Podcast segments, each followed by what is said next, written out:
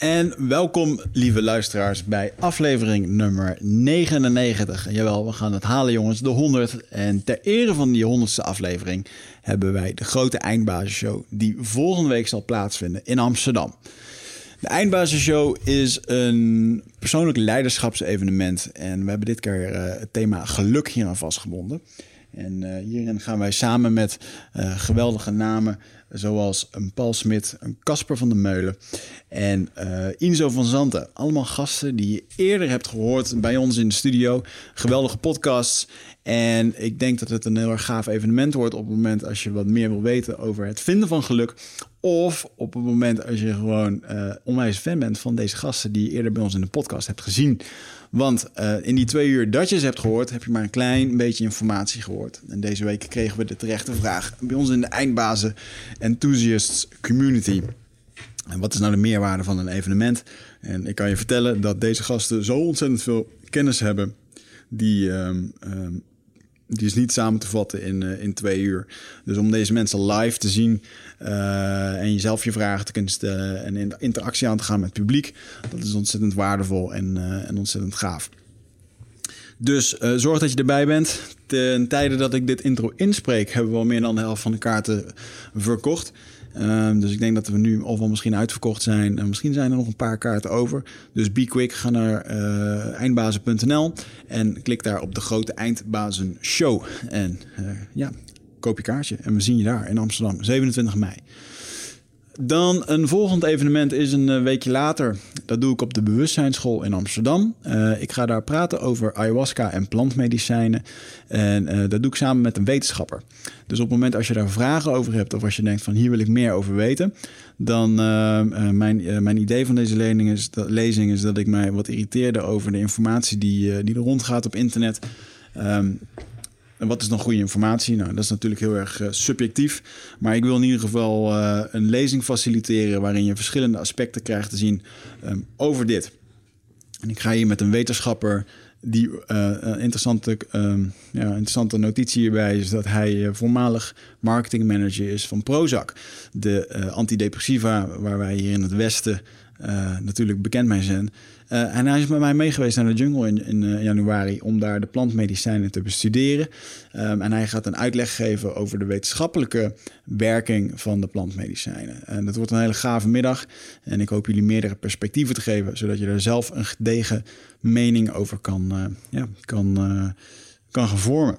Um, dan is er binnenkort een eindbazen coachingdag. Dat betekent dat we Um, in de vorige podcast hoorde je dit ook al. 1 of 8 juli dan ga ik samen met Michel een coaching day doen. Uh, dat betekent dat uh, als je bij ons op de website kijkt, dan zul je ondertussen een, uh, een pagina vinden waar de juiste informatie staat. Gaan we met 10 ondernemers uh, werken aan, uh, aan jouw bedrijf. Dat betekent, uh, dit is niet de mastermind die je eerder van ons hoorde. Dit is gewoon een dag waarin we met tien ondernemers bij ons op kantoor gaan zitten. Daar mag je met je idee komen, mag je met je vragen komen. En dan heb je Michel en mij tot je volle beschikking een hele dag lang om met ons te werken aan je bedrijf. het is een eenmalige dag. Je, wordt, je idee wordt hierin gesharktankt. Dat betekent dat we gaan kijken naar waar zitten de gaten in je idee. Wat zijn de sterke punten, wat zijn de zwaktes. En uh, natuurlijk kun je al je vragen die je aan ons wil stellen, kun je aan ons, uh, aan ons kwijt. Uh, wordt een hele interessante dag. we hebben maar plek voor 10 man, dus zorg dat je erbij bent. Kaarten kan je kopen ook via de website eindbazen.nl. Dan wil ik jullie nog eventjes in de trant van uh, de podcast. Uh, we gaan natuurlijk spreken met iemand van Defensie. Um, en dat hebben we eerder gedaan. Uh, kolonel Swillens was bij ons geweest. En op basis daarvan hebben Michel en ik besloten dat de sponsor van deze show, Nutrofit.nl, wat natuurlijk ook het bedrijf is van mij en Michel, een bedrijf in voedingssupplementen. Um, dat, uh, dat wij korting geven uh, voor militairen die, uh, die zich inzetten voor, voor alles wat Defensie doet. En daarvoor kun je eventjes naar nutrifit.nl kijken en dan staat er een kopje military discount. Um, daar kun je je melden als je een soldaat bent, die, want waarschijnlijk zullen er best wel wat soldaten luisteren naar deze podcast. En dan kun je daar terecht voor een, een speciale korting. Uh, en de reguliere fans die niet in dienst zijn van, die kunnen met de kortingcode eindbazen daar terecht voor alle gezonde supplementen die ze nodig hebben voor het sporten, voor uh, focus, concentratie, whatever you need. Dus ga daarheen en kijk daar eens eventjes. N-O-O-T-R-O-F-I-T.nl Dan gaan we door naar de Eindbazen podcast. Nummer 99. En we gaan hierin spreken met generaal Jeff McMutry. En dit als een eindbaas, dit had ook nummer 100 kunnen worden. Uh, de commandant van het Korps Mariniers. En ik uh, heb onwijs weer genoten, want dit soort gasten brengen zo'n ontzettend gaaf uh, perspectief en inzicht um, op de manier van leiding geven, moeilijke keuzes maken, um, stressige omstandigheden, hoe je teams moet leiden. En het was dan ook heel erg gaaf om, om deze generaal bij ons in de studio te hebben. Met daarin um, ja, eigenlijk de kers op de taart. En dan moet je zelf maar even gaan luisteren. Is dat Michel en ik wat. hoe noem je dat? Hoe noem je dat? Jonge kinderwensen hadden. Die we ooit nog eens een keertje mee zouden willen maken. En uh, daarop hebben wij akkoord gekregen. Dus wij mogen binnenkort twee eindbazen experiences gaan opnemen. Uh, waar ondertussen al druk over gemaild en gebeld wordt om dit uh, in, in, werking te stellen. Maar binnen nu een half jaar gaat dit allemaal gebeuren. Wat het dan allemaal precies is, ik kan je garanderen, het gaat vuurwerk worden. zeker voor mij. maar ik vond het ontzettend gaaf dat Jeff McMutry bij ons in de studio was. Um, als je met hem zit te praten, dan had het ook gewoon de baas van een bedrijf kunnen zijn. Eigenlijk een hele normale kerel. Maar als je dan kijkt wat hij allemaal heeft gedaan uh, en, waar hij zich mee bezighoudt, dan, uh, dan besef ik me ook wel iedere keer wat een ontzettend speciale en bijzondere uh, gasten wij in de studio hebben. en Jeff is er daar zeker een van. Laat je er alsjeblieft door inspireren. Mocht je interesse hebben om je ooit aan te melden bij het Korps Mariniers of bij Defensie, dan zijn dit soort podcasts goud waard om, om jezelf op in te lezen en een, een heldere kijk te krijgen op wat Defensie allemaal is en wat het voor jou kan doen. Um, ik zou zeggen, jongens, um, enjoy this podcast. Hebben wij ook gedaan. Dus veel plezier. Eindbazen wordt gesponsord door Nutrofit.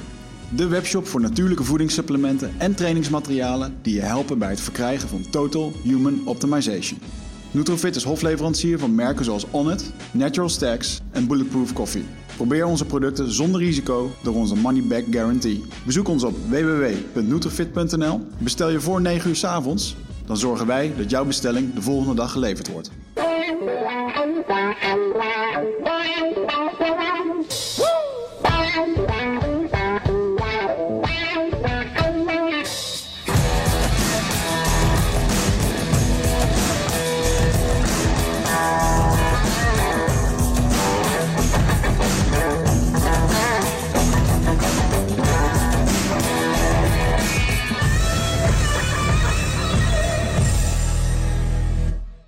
Oké, okay, ik ga beginnen met iets slims zeggen.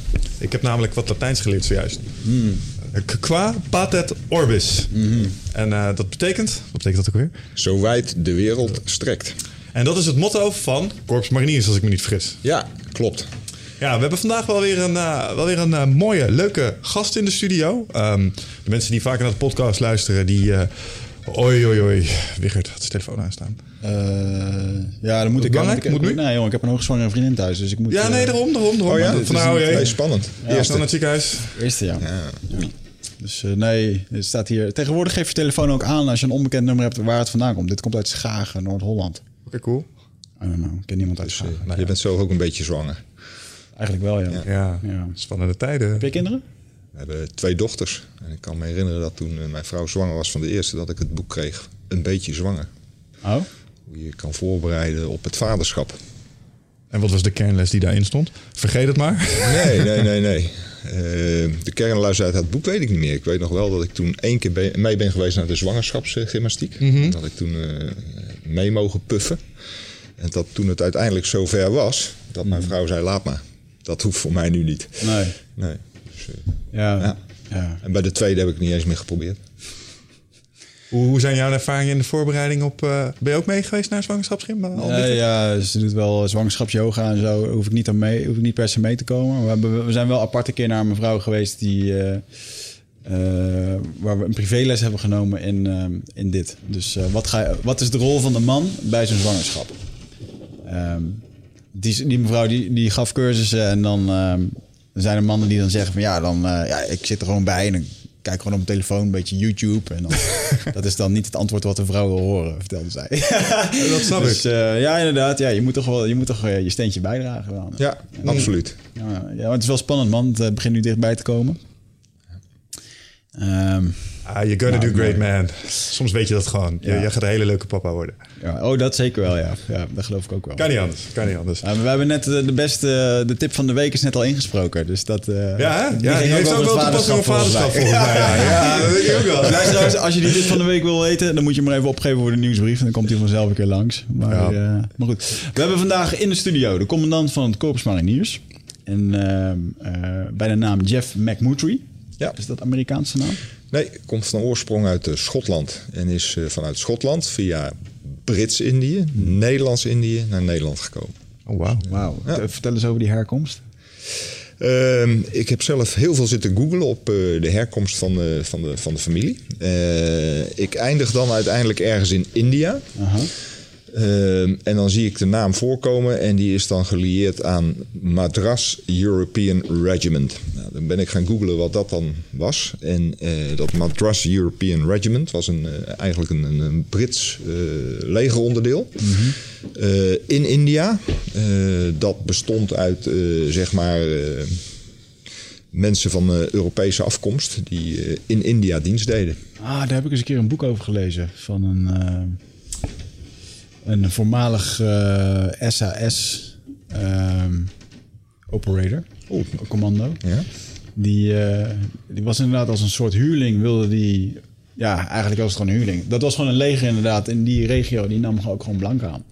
Bij wijze van spreken. We hebben gewoon mensen nodig. Dus die vertelde dan dat hij eh, tijdens de training door eh, riviertjes heen moest zwemmen... waar krokodillen zaten en zo. En eh, best wel hardcore. Voordat hij naar de SAS ging. Daar, later ging hij daarheen. Ja, de tijd waar ik nu over spreek, eh, ja, dat is toch wel, ik denk, dan heb ik het over misschien wel 200 jaar geleden hoor. Het is echt lang geleden dat ik, de- tot, tot daar heb ik het ongeveer kunnen volgen. En dat is nog maar de vraag of dat echt precies de lijn is waar ik uit voortkom. Maar ik vind het in ieder geval wel goed klinken. Ja. Dus, eh, Ja, dat is een mooi verhaal, ja, precies. Mooie naam ook. Het staat heel deftig bij, eh, bij je functie. Eh, eh, ze zeiden, ik, ik heb een beetje in zitten lezen over jou. En ehm, overal krijg ik eh, te lezen dat jij, een, eh, dat jij piepjong bent voor de functie die je draagt.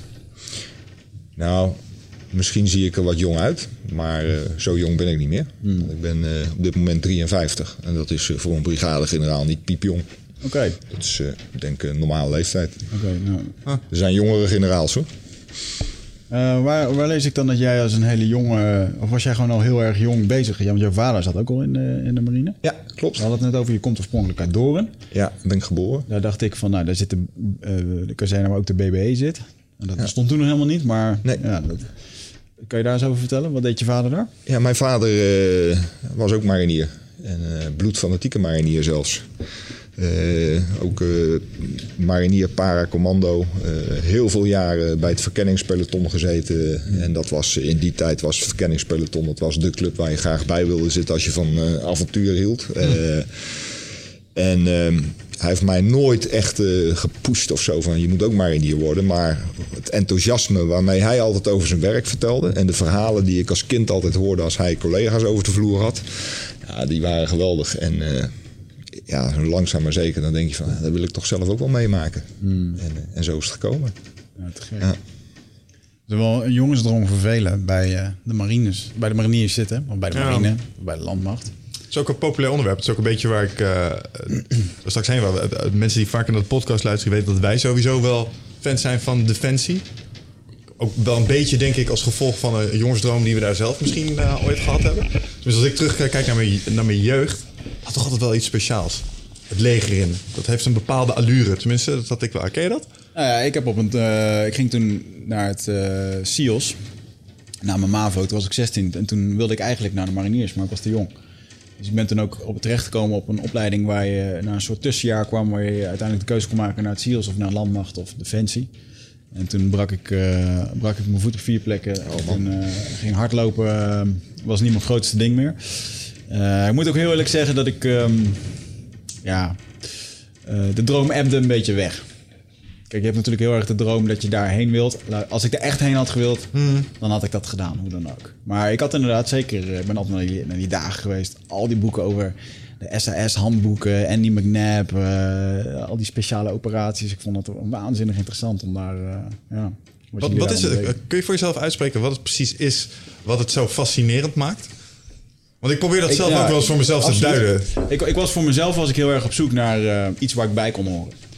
Ah, Omdat ik een, ja. eh, eh, ik had best wel een ehm, rumoerige jeugd.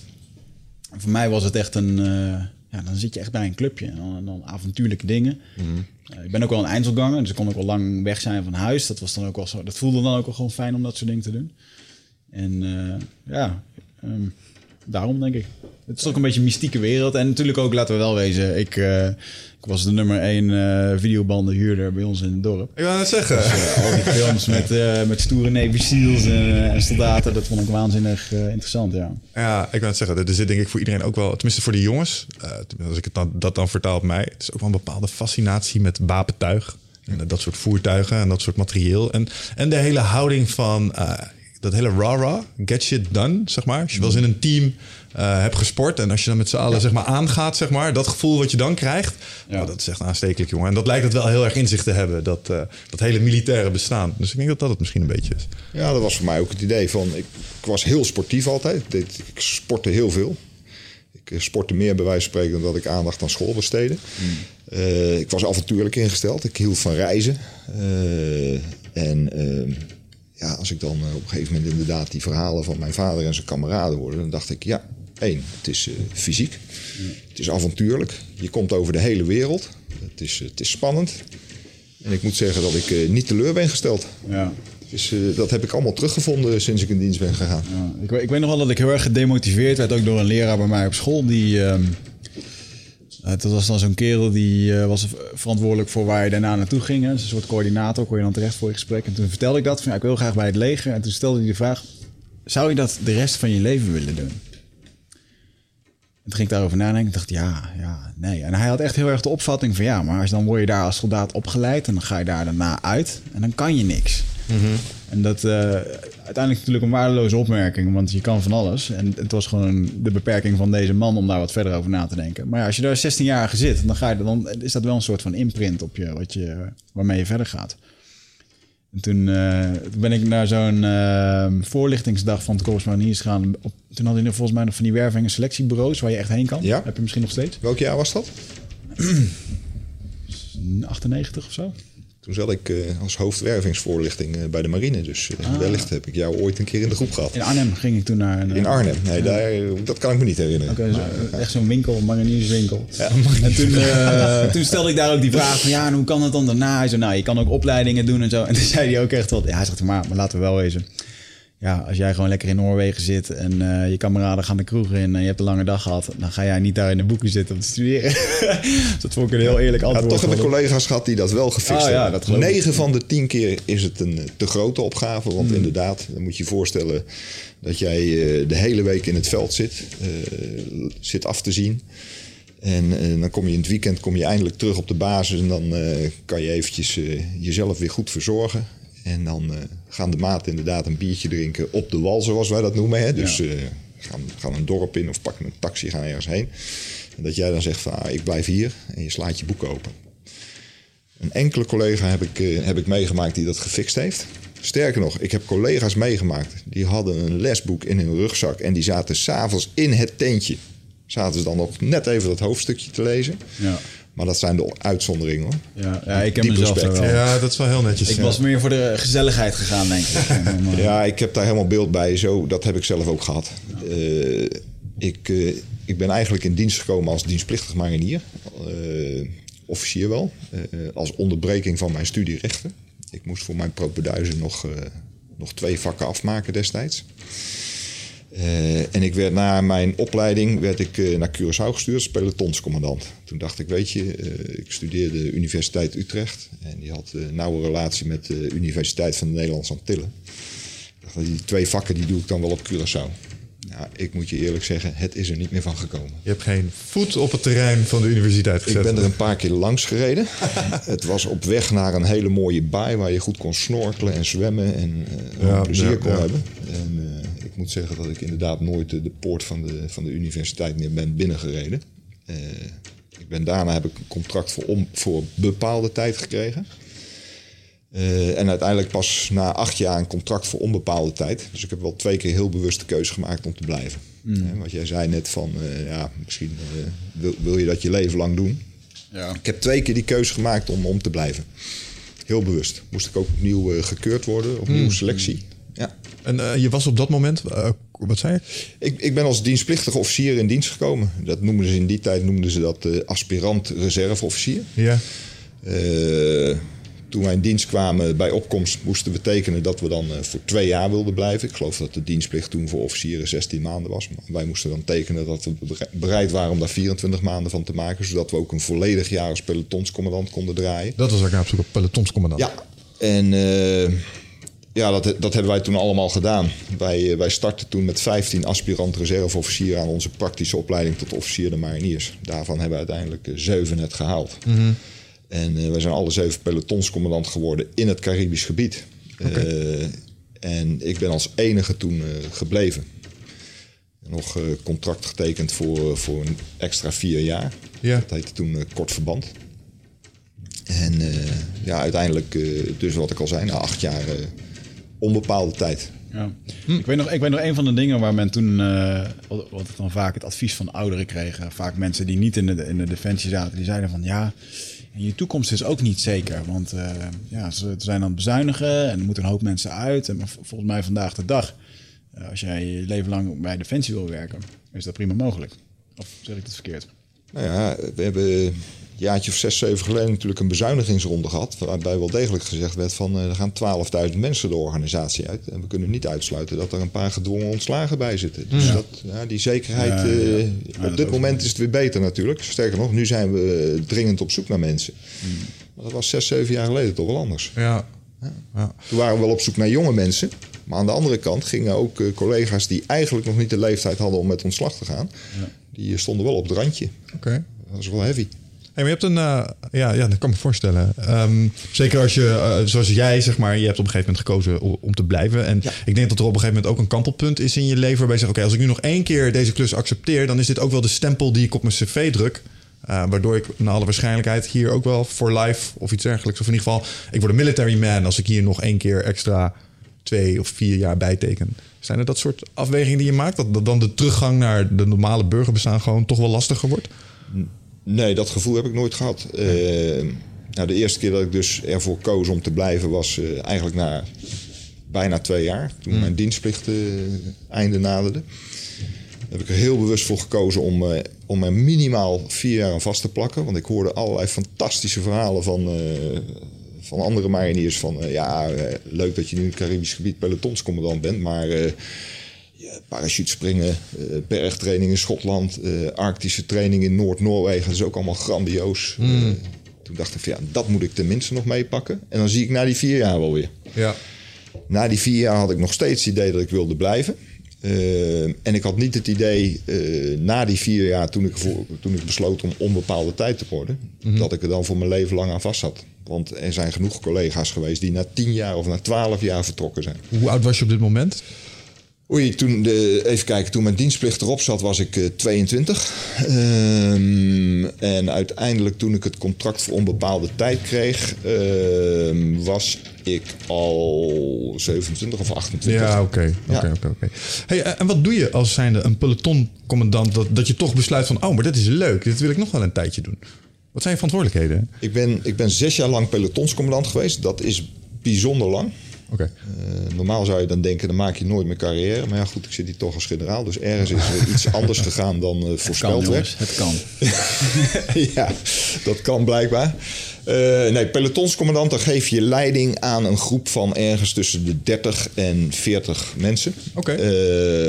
Onder uiteenlopende omstandigheden. En het eerste jaar was op, op Curaçao. Ehm, eh, jaren daarna, dat was in Nederland, waarbij ik eh, ook vier keer een berg- en koud weertraining heb gedaan. eh, waarin ik parachutist ben geworden. Waarin ik eh, de commandoopleiding heb gedaan. Ja. Gewoon heel veel mooie dingen gedaan. En het mooie daarvan is, je komt binnen als, als, als jonge vent. Eigenlijk, ja, toen ik pelotonscommandant werd, was ik nog 21. Ehm, dan heb je niet heel veel levenservaring. Ook al denk je het soms als 21-jarige op dat moment wel. Achteraf terugkijkend denk je het was niet zo. Ehm, maar ik had het geluk dat mijn vader, die natuurlijk wel eh 30 jaar ervaring had... op een gegeven moment tegen mij zei, hij zegt... luister, denk niet dat jij de wijsheid in pacht hebt... omdat jij toevallig jouw praktische opleiding tot officier de mariniers hebt afgerond. Maak vooral ook gebruik van alle ervaring die binnen jouw eenheid aanwezig is. Hij zegt, eh, daar zit zoveel ervaring. Daar zitten zoveel mensen die jou willen helpen... in het kader van teamgeest en kameraadschap. Hij zegt, of je omarmt dat... Hij zegt maar, als jij eh, gewoon eh, flink gaat lopen doen, eh, met, je neus omhoog gaat lopen omdat je officier bent en niet luistert, dan laten ze je ook net zo makkelijk vallen. Ehm, en ik heb dus goed geluisterd en inderdaad heb ik teruggekregen wat hij zei. Ik ben aan alle kanten geholpen op het moment dat ik wel eens iets riep van... eh, en we gaan linksaf, dat iemand netjes tegen mij zei... Hey, misschien moet je wel even rechtsaf nu, want linksaf is op basis van mijn ervaring niet de beste keus. Dat ik dacht van, oeh, misschien moet ik nu wel even luisteren. En dat ik zei, check, dankjewel, we gaan rechtsaf. En dat pakte dan goed uit. En op die manier leer je heel goed spelen met eh, wanneer je wel, wanneer je niet moet luisteren. Eh, ja, Is dat iets wat zie je... Want je komt dan inderdaad eh, van zo'n officiersopleiding af. Eh, Je vader zegt dat vast niet voor niets. Weet je wel, denk nou niet dat je een hele bing bent... en ga met je neus in de lucht lopen. Want dat is dus blijkbaar iets wat wel eens gebeurt... als je van zo'n opleiding afkomt als zijnde verse officier. Nou ja, er zullen ongetwijfeld mensen geweest zijn die, die daar de fout mee in zijn gegaan. Die dachten, ja, weet je, dit heb ik gefixt en eh, nu ben ik de eindbaas. Maar dan waren ze op dat moment niet de eindbaas. Eh, want nogmaals, ja, eh, jullie zullen het misschien zelf gehad hebben. Als je jong bent, eh, dan kan je wel eens een cocky bastard zijn. Ja. Eh, dan denk je Nee, van, ja, ja, joh, ja, ik, nee, ik, van. ik fix Nee. het. Nee, dat, dat fix ik wel en ik weet het wel. En, ja. en gelukkig, het is niet alleen vanwege de adviezen van mijn vader hoor. Dat werd er ook inge, ingeprint in de opleiding zelf. Dus Ja, dat vroeg ik me af, ja. ja. Kijk, mijn vader heeft dat nog eens een keer benadrukt. Maar eh, ook het opleidingskader. Allemaal mensen met heel veel ervaring. eh, die zeiden van eh, luister naar je omgeving. Kijk naar de kennis die aanwezig is binnen je eenheid. Eh, maak je afweging eh, wat je met die kennis doet. Maar eh, gooi dat niet zomaar in de wind. Want Nee. dan kom je jezelf keihard tegen. Jouw vader leeft nog steeds? Die leeft nog steeds. Die is, eh, wordt dit jaar 83. Mooi. Dat is de opa met de sterke oorlogsverhalen thuis. Nou ja, sterke oorlogsverhalen, weet je, die heb ik tegenwoordig ook. Dus eh, Dan kan hij gewoon met je eigen sterke oorlogsverhaal. Het is een battle, battle between the nee, nee, nee, nee. Maar eh, nee, mijn vader heeft, eh, heeft ooit eh, in Nieuw-Guinea gezeten met het verkenningspeloton. En heeft daar best wel wat heftige ervaringen eh, gehad. Eh, Wat, wat deden wij in Nieuw-Guinea? 1962, eh, na, het, na de onafhankelijkheid van, eh, van Nederlands-Indië, wat toen Indonesië werd, eh, bleef één deel van de Nederlandse kolonie in de oost bleef Nederlands. En dat was Nieuw-Guinea. Woest. En dat is best wel een groot land, mega groot land, met ook veel, heel veel natuurlijke hulpbronnen. Maar Indonesië vond dat het aanspraak maakte ook op dat deel van, van het Nederlandse deel, gebied. En eh, ja, toen ontstond er een gewapend conflict. En Indonesië begon eh, eerst kleinschalig en later op grote schaal eh, te infiltreren. Met zowel irreguliere eenheden als met parachutisten. En Nederlandse militairen die, die gingen op jacht naar die infiltranten. En ja, mijn vader zat bij een eenheid die, die veelvuldig op pad ging om Indonesische infiltranten op te sporen in de jungles van Nieuw-Guinea. Daar heb ik al eens over zitten denken. Hè. Dan, eh, ik ben nu eh, eh, regelmatig in de jungle te vinden. En dan, dan als je echt, echt in oerwoud bent geweest, dan loop je gewoon op een plek en dan, kijk je naar rechts en dan zie je gewoon een muur van planten. Ja, klopt. En daar heb ik vaak over na zitten denken. Joh, als je dan van die Vietnamoorlog films ziet, of dan praten we dan hierover, en je loopt uit de grond, je ziet, je hoort niks, het kan gewoon vijf meter bij je vandaan liggen. Je wil daar toch helemaal niet zitten om oorlog te voeren of om, om die strijd aan te gaan. Het is zenuwslopend. Ik heb zelf ook jungle training gedaan. En eh, wat jij beschrijft, ja, dat heb ik zelf ook zo ervaren. Eh, dat je inderdaad eh, bij wijze van spreken nog geen twee meter ver ziet. Omdat er een dichte bladerendek voor je zit. Ja. Eh, dat je los van alle ellende die de jungle zelf met zich meeneemt, Ja, ja. ook nog eens een keer menselijke dreiging hebt. Ja. Ik kan me herinneren dat ik een keer slipte bij een riviertje en ik had toevallig mijn handschoenen niet aan op dat moment. Eh, want normaal heb ik altijd van die Nomex flight gloves aan. Die, van die Kevlar ja, van, ja, nee, nee, geen Kevlar, maar in ieder geval wel iets dat je hand beschermt. Die had ik op dat moment niet aan, dus ik gleed uit. Ik wilde me vastpakken. Ja, toen pakte ik net zo'n stammetje wat vol zat met stekels. Dus mijn hele handpalm zat vol met stekels die afbraken. Ja, en ga die er dan maar uitvissen met een pincetje. Voordat het ontsteekt. wat nog niet eens het ergste is, want dan komt de ellende pas. Dat het niet heelt en dat het eh, ontstekingsgevoelig... eh, Ja, dat is, dat is gevaar. Ik, ik heb het geluk gehad. Ik heb die, eh, die stekeltjes er allemaal met een pincetje uitgehaald uiteindelijk. Met, met hulp van een eh, medic. Ja. Maar voor hetzelfde geld, wat je zegt, dan begint het te ontsteken. En dan heb je de ellende pas echt goed op Ja, ik, weet nog dat ik bij die Indianenstam was en dan mocht ik voor het eerst mee gaan jagen. Dus ik heb een paar dagen mee op pad geweest. Op een gegeven moment, ik, ik voelde me ook echt een witte olifant die alleen maar aan het overleven was. Met elk takje hing een spin aan. op een gegeven moment, hij schiet letterlijk een aap en hij pakt die aap in in een bananenblad. En hij doet hem zo in zijn tas en we lopen verder. En nog voordat hij één stap zet, zie ik hem echt gewoon zo... alsof een of andere samurai zijn machete pakken. En hij slaat letterlijk zo de, de, de kop van de slang eraf. Liep gewoon voor zijn, of die kroop gewoon voor zijn voeten, weet je wel. ik had het beest echt niet eens gezien. En het was ook wel grappig dat een paar dagen later, toen wilde ik weer meejagen. En toen mocht ik niet meer mee, want ik maakte te veel lawaai in de jungle. En die gasten, jongen, echt als fucking silent assassin. Dan sliepen ze daar door die jungle heen. Is dat iets wat ze je leren in de jungle training? Stil verplaatsen? Of Ja, is dat- zeker. Ja? zeker. Ja, ja, zeker. Dat heb ik me altijd afgevraagd. Hoe je mensen dat leert. Want takken zijn toch takken? Die liggen Ja, overal? takken zijn takken, maar je kan je voet op een bepaalde manier optillen en weer neerzetten, zodat je wat dat betreft eh, minder lawaai maakt. Eh, En ook kijken waar je voeten neerzet, inderdaad. Ik moet zeggen dat eh, Nederlandse mariniers in, in destijds, begin jaren 60 van de vorige eeuw, best wel een goede naam hadden als het ging om eh, jungle eh, gevechten. Oh?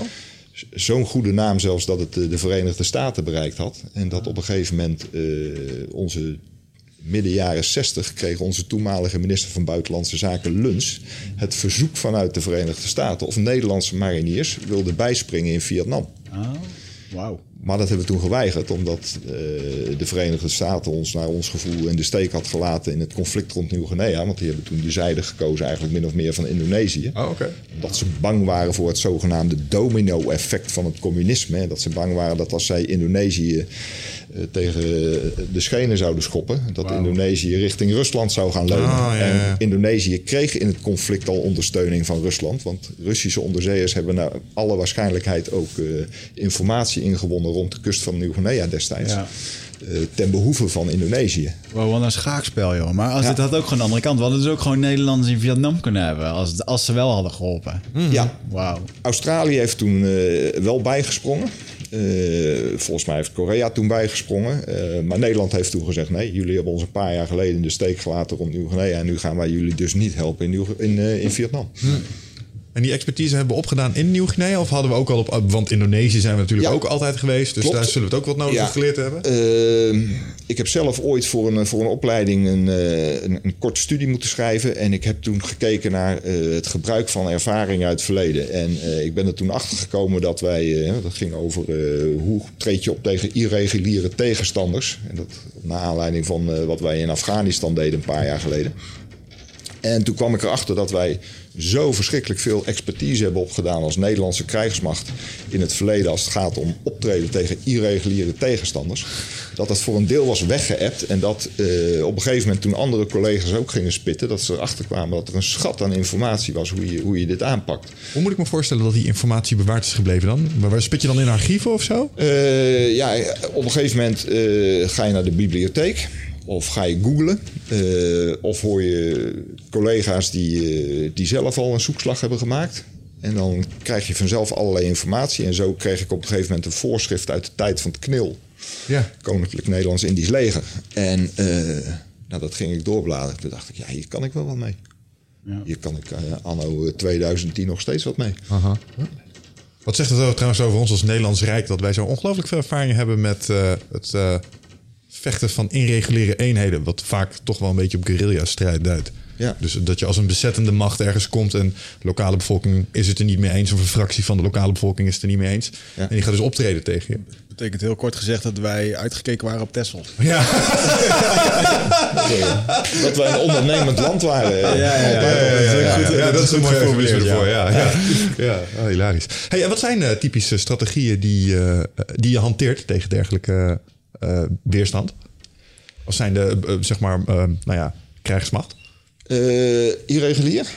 Nou, je moet eerst doorgronden, denk ik, eh, wat je tegenstander beweegt. Eh, je moet de omgeving doorgronden. En je moet zorgen, eh, de win the hearts and minds, hè, dat is geen loze kreet. Dat is, dat is gewoon echt zo. Eh, je moet kijken ook vooral eh, waarom de tegenstander in een bepaald gebied, zeg maar, überhaupt voet aan de grond heeft gekregen. En waarom de tegenstander daar voet aan de grond houdt. Betekent dat dat wij wat verkeerd doen? Eh, en wat doen wij dan verkeerd? Waarom eh, is de lokale bevolking bijvoorbeeld op de hand van, eh, van je tegenstander?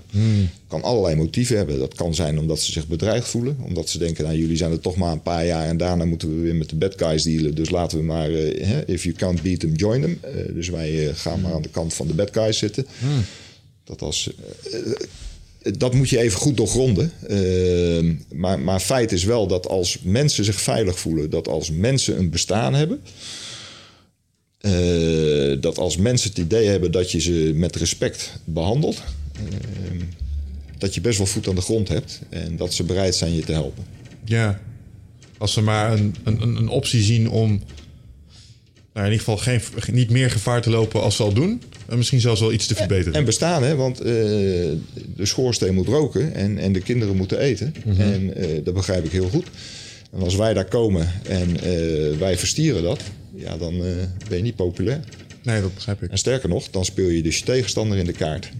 Zeker als die wel kans ziet om te voorzien in allerlei behoeften van, van de lokale bevolking. Ja, ik geloof dat dat destijds ook het grootste bezwaar was tegen het inzetten van allerlei privé uh, beveiligingsbedrijven, zeg maar, uh, zoals Blackwater, uh, in gebieden als Irak, omdat die niet echt heel erg goed waren in de relatie onderhouden met de lokale bevolking. Daar hoorde je heel veel horrorverhalen over dat ze best wel lomp waren. Als je dan bijvoorbeeld niet snel genoeg met je auto aan de kant ging als een kolonne eraan kwam, dan schoten ze op je auto. Of je kreeg een volle waterfles tegen je kop aangegooid. Oh ja. Iets dergelijks. Ja, dat is wel ja het risico met uh, private uh, beveiligingsbedrijven en, en uh, bedrijven zoals Blackwater is natuurlijk wel dat hoe hou je daar als land trek op? ja. Hoe zorg je ervoor dat ze gecertificeerd zijn? Wat is de schietvaardigheid? Wat is de eis? Kijk, wij hebben dat gereguleerd. Voordat je op uitzending gaat, moet jij heel goed zijn met jouw weapon handling en je schietvaardigheid moet op orde zijn. Uh, datzelfde geldt voor geweldsinstructie. Wij hebben strakke geweldsinstructie, daar krijgen we ook les in.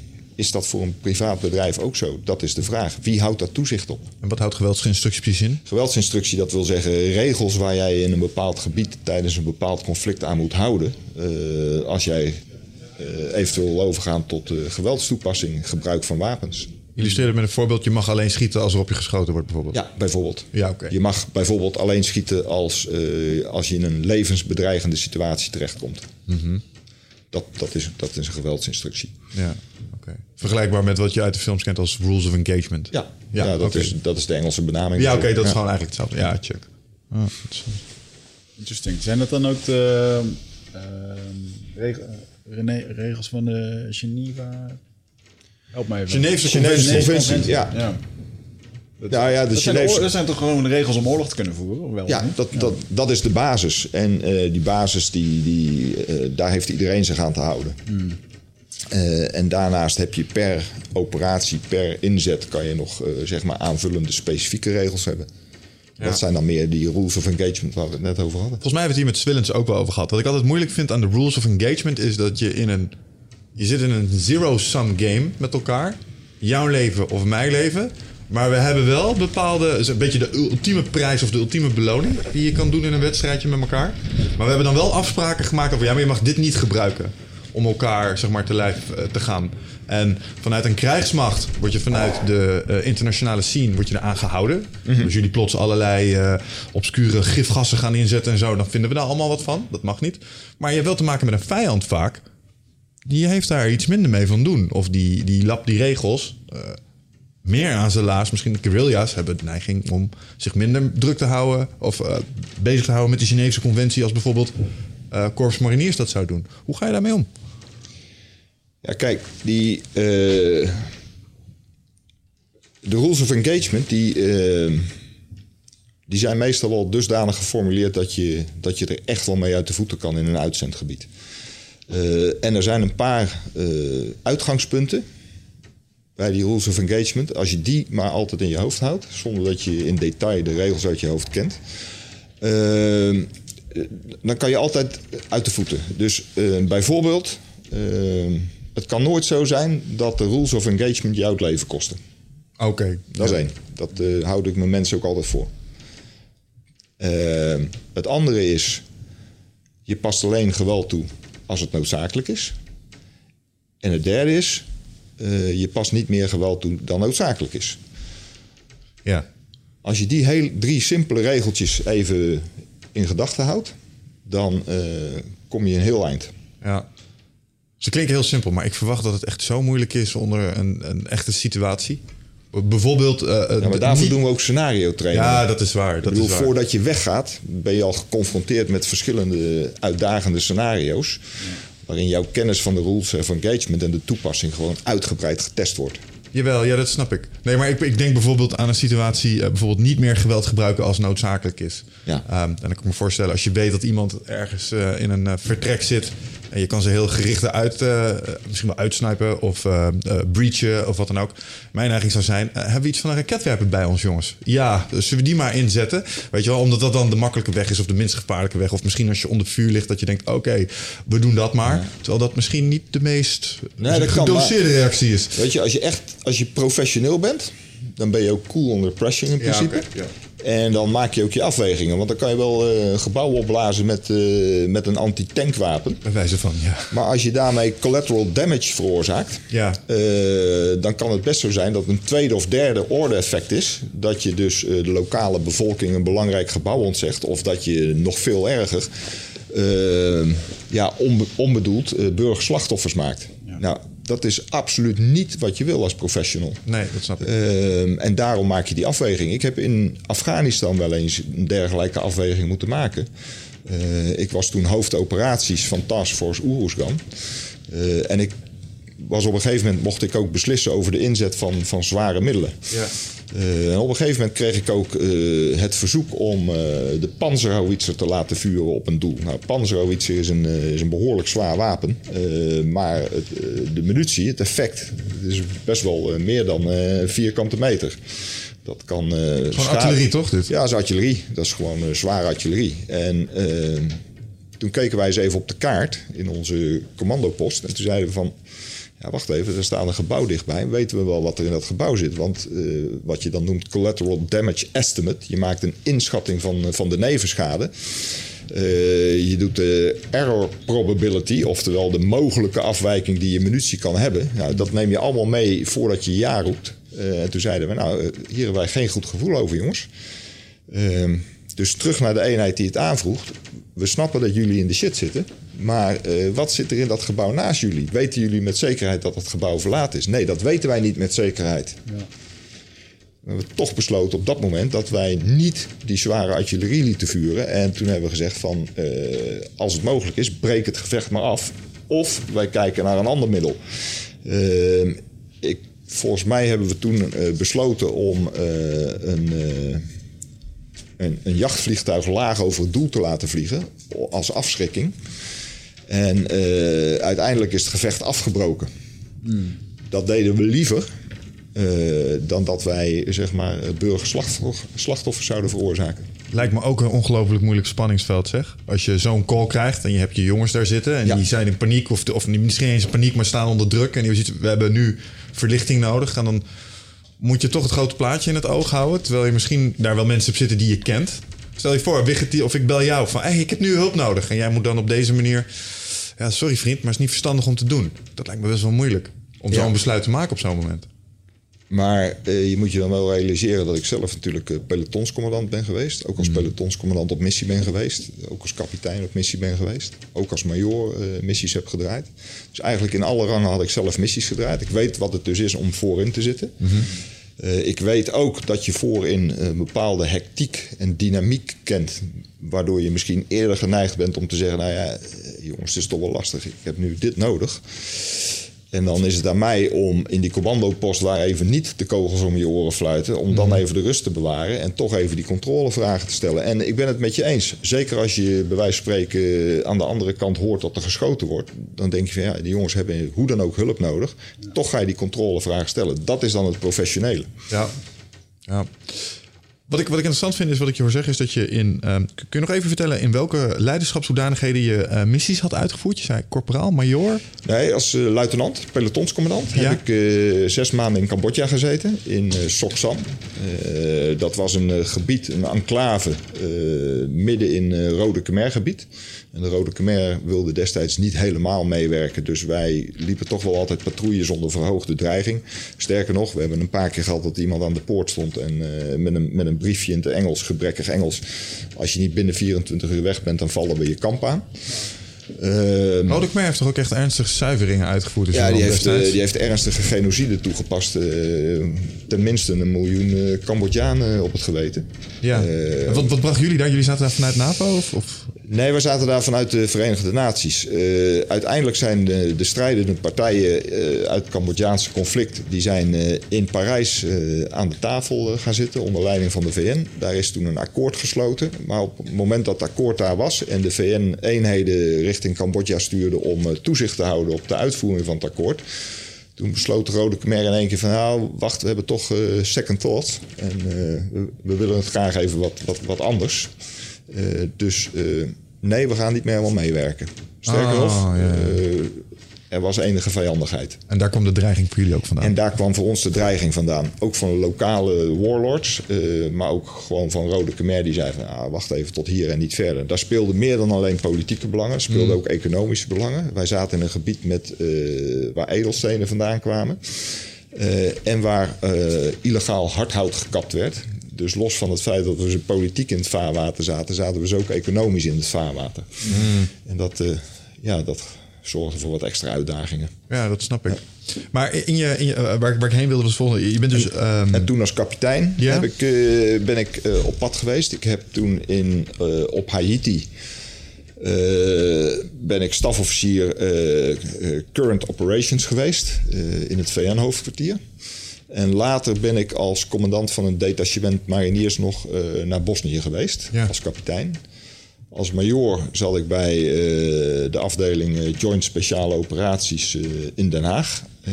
Ben ik een paar keer op pad geweest, wereldwijd. Ehm, ja, dus als je die ervaring hebt, dan kan je ook makkelijker inschatten hoe het voorin aan toe gaat. Ja. En dan durf je ook makkelijker te zeggen, ja jongens, toch even een minuut wachten. ja. Gewoon op basis van eigen ervaring. En altijd, als ik een beslissing neem, heb ik altijd in het achterhoofd... eh, hoe zou het zijn als ik aan de andere kant van de radio had gezeten? ja. Zou ik, dat, zou ik dit dan accepteren? Ja, maar je bent dus heel duidelijk van, van eh, tactisch leiderschap naar iets meer strategisch leiderschap uh, bewogen. Ja, naar operationeel niveau. Ja. Ja, wat, wat zijn, ehm, want, want dat is eigenlijk de vraag die erachter zit. Je hebt dus op al die lagen, zeg maar, in de uitvoering van wat het is wat het leger doet, eh, heb je leiding gegeven. Ehm, ik heb nog twee vragen. Wat zijn de verschillen in leiderschapsvraagstukken die je op die verschillende niveaus bent tegengekomen? En wat, zijn, wat waren verrassende overeenkomstige leiderschapsvraagstukken waar je dacht van, hé, hey, wat grappig, hier heeft een voedsoldaat mee te maken, maar een generaal en een maarschalk die kampen hier ook gewoon mee. Want je hebt dat hele spectrum gezien. Ja.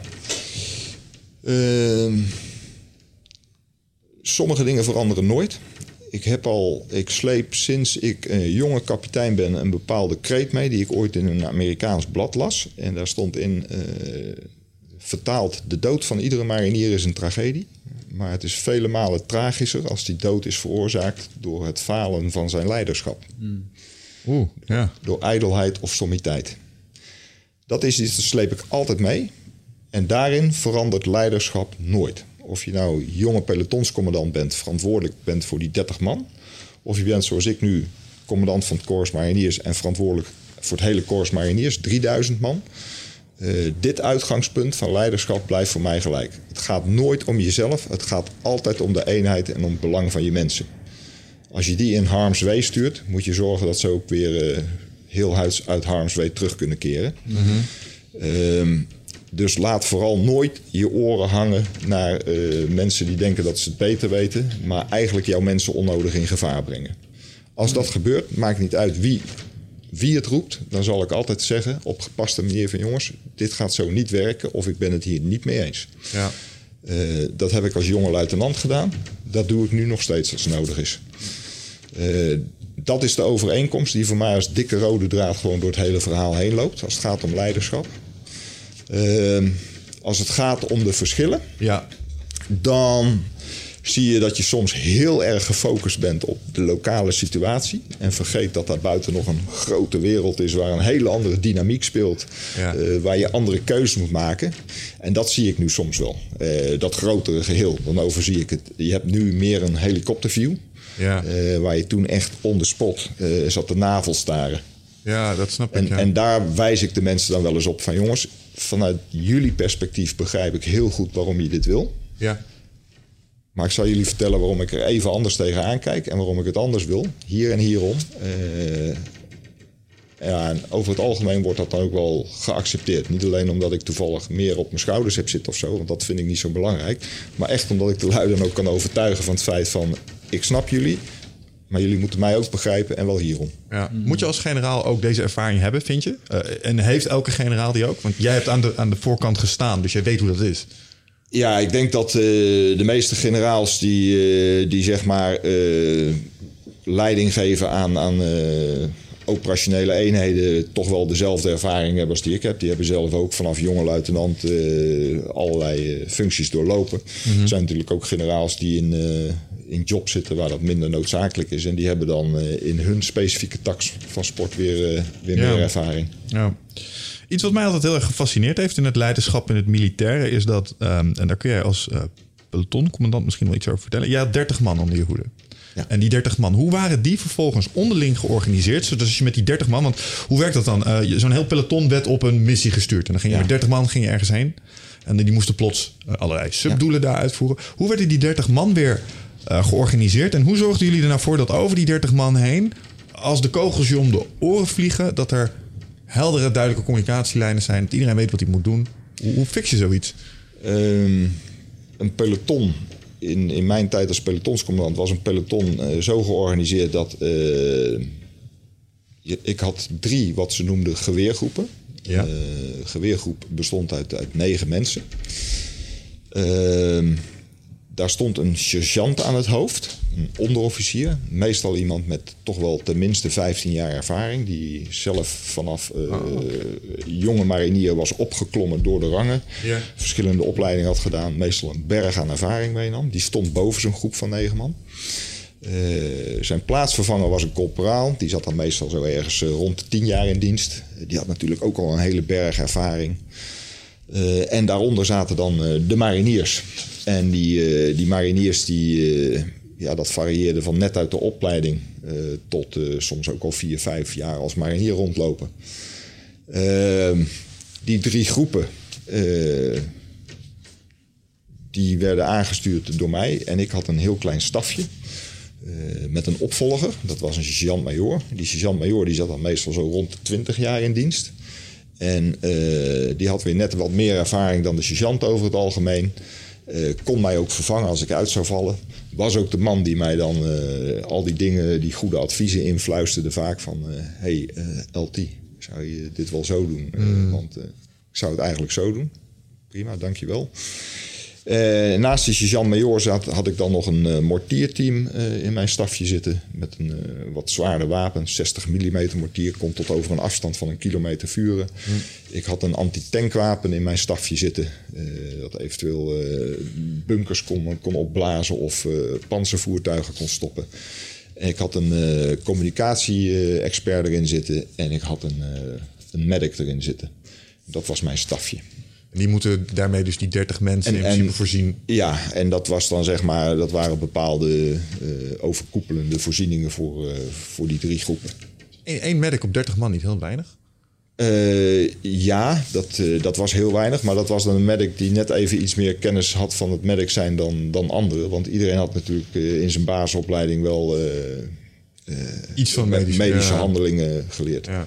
Eh, Wat, ik, wat ik ook interessant vind is wat ik je hoor zeggen is dat eh, mijn opvolger. Jullie gaan er eigenlijk gewoon vanuit dat je gedurende de actie dat, dat, je, dat je leiding kan uitvallen. En er is dus dan altijd iemand die naast hem staat die direct zijn plek kan innemen. Ja, we hanteren altijd het principe 1 valt uit, 2 neemt over. 2 valt uit, 3 neemt over. Dus je, voordat je een actie ingaat, zorg je altijd dat, dat eh, de chain of command goed eh, is doorgesproken. Eh, je moet er altijd rekening mee houden dat je uit kan vallen. Je Ja. moet er ook rekening mee houden dat je je groep op moet splitsen. Waarbij ik dan een deel eh, van de groep eh, meeneem en mijn opvolger bijvoorbeeld een ander deel van de groep. Maar dat is wel iets waar we van uitgaan, ja. Oh, en werkt het dan ook zo dat als, stel je bent met, met z'n 30 en jij neemt de 15 mee en hij neemt de 15 mee, dat er meteen vanuit die 15 die jij meeneemt, een tweede soort van corporaal, nummer 3, die schuift door naar 2 om jou te Ja, ondersteunen? Er is altijd iemand die over moet nemen als nodig is. En als je dat goed doet in je orders vooraf, eh, dan spreek je dat ook door. Oké, als ik uitval, heb jij de leiding. Als Ja. jij uitvalt, neemt hij over. En hoe werkt dat met kennisoverdracht? Zijn dat dingen waar je voor wordt opgeleid of wordt dat binnen de teams soort van geregeld? Zo van, eh, oké, ik ben nu nummer drie. Eh, Ja. ik, ik val ook onder jouw corporaal. Hij ziet, oké, die Michel die is degene met de meeste ervaring. Ik ga hem alvast groomen. Mocht ik straks wegvallen of zo, dat hij snel kan doorschakelen. Of Ja, kijk- moet ik daar een opleiding voor volgen? Meestal is het een vrij natuurlijk gegeven, want als, als de luitenant eh, uitvalt, dan is eh, de volgende hoogste in rang is degene die ook eh, de Ja, leiding overneemt. En, en ik zei net al, dat is dan ook iemand die op basis van zijn diensttijd en zijn ervaring die positie bereikt heeft. Dus het is eigenlijk een heel natuurlijk iets dat hij dan op dat moment mij vervangt. Eh, en hoe weet hij dan precies wat hij moet doen? Dat is omdat wij in, in het proces van, van orders gewoon ook zorgen dat iedereen alle details van de operatie kent. Maar belangrijker nog, dat iedereen weet wat de commanders intent is. Wat is uiteindelijk het effect dat de commandant wil bereiken? Ja. En als ik uitval, dan heeft iedereen tot en met het allerlaagste niveau nog steeds die commanders intent op het netvlies staan. En sterker nog, zelfs als ik wel de leiding heb, maar iemand ziet, eh, ziet een mogelijkheid om mijn eh, effect eerder te bereiken, dan, dan mag hij dat ook doen. Ja, ja, oké. Dus je bent in dat opzicht wel eh, een soort van autonoom. Als je plots een kans ziet om de objective eh, uit te schakelen of wat dan ook, die voorheen nog niet voorhanden was, dan mag je gewoon gaan. Ja, soms zijn wij... eh, Kijk, iedereen denkt dat het super strak is. En dat, dat, dat is aan zich is het ook wel strak. Maar aan de andere kant heeft het ook wel eens een, eh, een vorm van anarchie natuurlijk. Ja. In die zin dat ook als we een, een order geven... dan mag iedereen mag die order challengen. Zolang het mogelijk is. Dus als ik zeg van oké, dit is het plan. Jullie gaan langs eh, die en die route gaan jullie voorwaarts. Eh, jullie zorgen, leggen daar een vuurbasis neer. Jullie beginnen op dat moment te vuren. eh, en eh, dat iemand dan zegt, ja maar wacht even. Die route die je nu aanwijst. Volgens mij kunnen we beter zo om. Daar hebben we meer dekking van, eh, van de bosrand. Ja, Ja.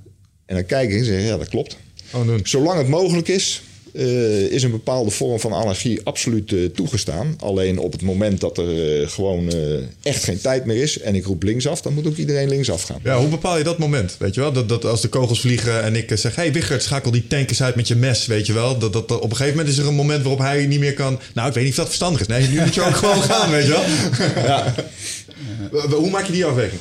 Weet iedereen dat? Is er een soort. Uh, zodra de kogels vliegen is klaar, Ja, dan gaan we gewoon schieten. Dat, dat voelt iedereen vanzelf Ja, aan. En als, iedereen, als iemand dat toevallig niet aanvoelt, dan, eh, dan ben je leider genoeg om te zeggen van... hé, hey, luister vriend, eh, ik heb het één keer verteld, laatste keer nu, voorwaarts. Als het team het al niet regelt voor je. En als het team het al niet geregeld heeft, ja.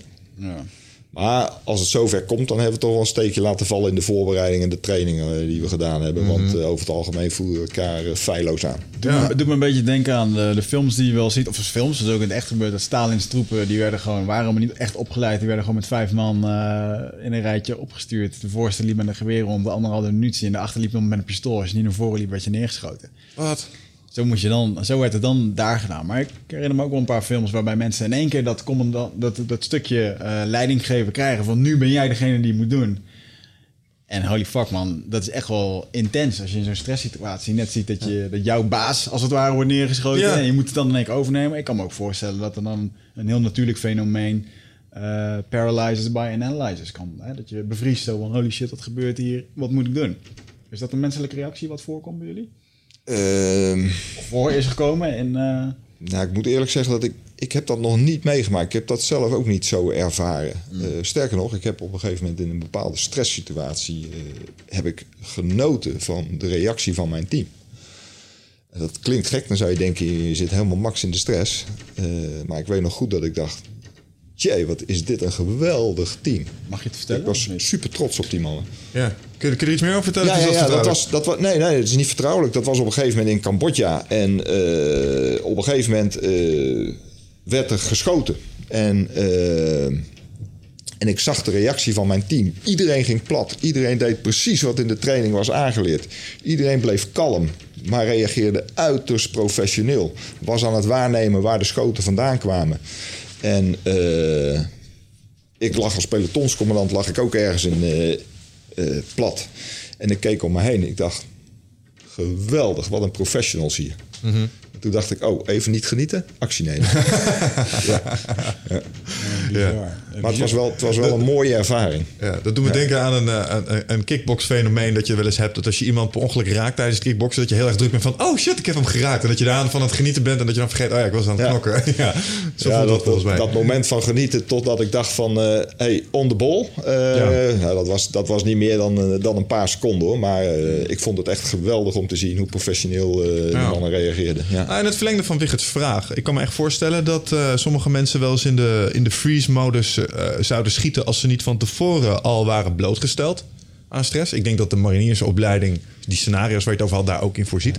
Wat doen jullie om mensen eh, in een vredessituatie, in een situatie waarbij je weet, oké, dit is niet echt levensbedreigend. Want dat weet je gewoon als je aan het trainen bent. Ehm, dat je ze toch prept op een situatie waarbij het wel levensbedreigend is. Hoe doe je dat? Het, het uitgangspunt is eh, train hard, fight easy. Dus, eh, Die vind ik mooi, daar hou ik van. Ja, ja. train hard, fight easy. Ehm, dus je probeert in, in allerlei oefeningen en trainingen eh, de realiteit zo dicht mogelijk te benaderen. Eh, en je bouwt allerlei stressfactoren in, eh, waardoor je gewoon eh, één ziet eh, wat je aan iemand hebt. Eh, maar twee, waardoor de mensen ook leren om met stress om te gaan en te functioneren onder stress. En eh, zo heeft iedereen zijn individuele leermoment. Het is eigenlijk niet anders dan dat je gewoon eh, spiermassa traint. Zo kan je in mijn optiek ook je stress, stresslevels omhoog krikken. ja. Ehm, door gewoon veel eraan blootgesteld te zijn en te denken van, oh, I've seen worse. ja. En I can hack it. Je collega's Ja. Willens noemde dat de, de tolerantie voor frictie. Ja. Dus het vermogen om eh, gewoon ja, bloot, ja, comfortable, uncomfortable. Ja. Ja. Ja, ja, ja. En dat kan je goed benaderen. En wij trainen natuurlijk ook onder extreme geografische, klimatologische omstandigheden. En, en eh, ja, daar word je alleen al door de natuur gedwongen om, eh, om vast te houden aan aangeleerde skills en drills. Ja. Doet me denken aan, ehm eh, waar is dat toch? Volgens mij is dat ook in een van die boeken van Andy McNabb. Waarin die op een gegeven moment moet verkennen met een Irakees peloton. Of een Irakese locatie moet hij eh, helemaal ehm, moet gaan beschrijven wat er allemaal gebeurt. En dan beschrijft hij dat daar een soort van leger gestationeerd zou moeten zijn. En dan zie je ochtends gasten wakker worden. En die gingen dan hun eigen manier van sport doen. Dus de een staat gewoon een beetje met zijn handen op. Ja, ja, ja. Want eigenlijk, dat is gewoon een soort van veredelde gymnastiek, weet je wel. en hoe hij dat beschreven was wel heel erg grappig. Dat hij eigenlijk zei, ja, we zijn hier eigenlijk gewoon een paar jongens aan het, aan het bekijken... die gewoon niet echt getraind worden als soldaat, weet je. Hoe ze ook met hun wapens omgingen en zo. Helemaal geen orde erin. Bijzonder om te zien hoe... eh, maar dan heb je natuurlijk ook vaak over gedwongen situaties... waar mensen het leger in moeten. Ja. om, Wauw. Hey eindbazenluisteraar, dankjewel dat je zit te luisteren naar deze podcast. Ik onderbreek hem eventjes voor een hele belangrijke boodschap. Of misschien liever gezegd een uitnodiging. Want op 24, 25 en 26 mei, dan is er weer een nieuwe editie van Rite of Passage. Dat is mijn retreat voor persoonlijke ontwikkeling. En speciaal voor de mensen die op zoek zijn naar, ja, naar helderheid. Of dat ze lastig bij hun gevoel kunnen komen. Dat ze moeilijke beslissingen moeten maken. En dat ze zo ontzettend in hun hoofd zitten ja, dat ze er eigenlijk gewoon niet meer goed uitkomen. Of dat ze misschien al heel lang in een, ja, een soort van oud gevoel zitten. Dat ze dat gevoel willen transformeren. Of misschien wil je gewoon een oud stuk achter je laten. Ergens een punt achter zetten. En ja, zoek je misschien heling op iets wat, wat je te lang hebt weggeduwd of, of hebt vermeden. Daarvoor wil ik je uitnodigen op 24, 25 en 26 mei om in een retreat mee te doen waar de inhoud van het programma geheim is. Waar de belofte is dat het oncomfortabel wordt. Want jij begrijpt als geen ander dat als je die volgende stap wilt maken, ja, dan zul je uit de comfortzone moeten komen. En ik garandeer je, laat mij dat proces begeleiden met jou voor drie dagen. En je leven zal daarna nooit meer hetzelfde zijn. Eh, Gemiddeld beoordelen de deelnemers het met een 9,2. En daar ben ik ontzettend trots op. Er is ook een money back guarantee. Heb je de drie dagen vol, volbracht en vind je het niks, krijg je gewoon je geld terug. Dus het enige risico wat er is, is dat je gelukkiger kan worden. Ik zie je Bride of Passage. Ga naar wichertmeerman.nl en klik op Retreat. Maar ik denk dat daar, dat daar je training met name zo belangrijk voor is. Ik denk dat als je een groep mariniers zo ergens neerzet, die gaan allemaal hetzelfde doen. Gewoon puur en alleen uit de gewoonte. Ik denk dat elke marinier zijn, zijn training nog wel weet en daarop terugvalt of teruggrijpt op het moment dat hij ergens... Je bedoelt gevechtstraining.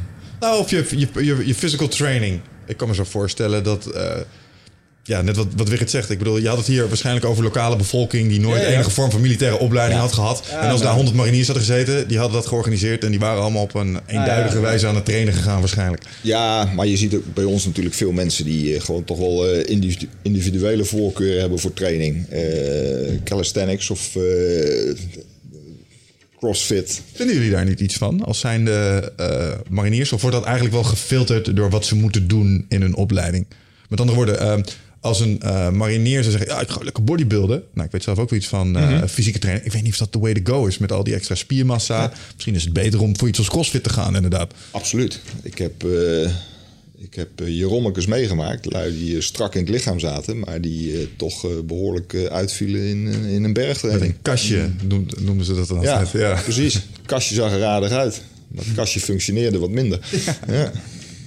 En dat heb ik wel meegemaakt. Ja, sterker nog, ik heb ook meegemaakt. eh, we hadden een, eh, ik, had, een- ik had een triatleet in, eh, in de eenheid zitten.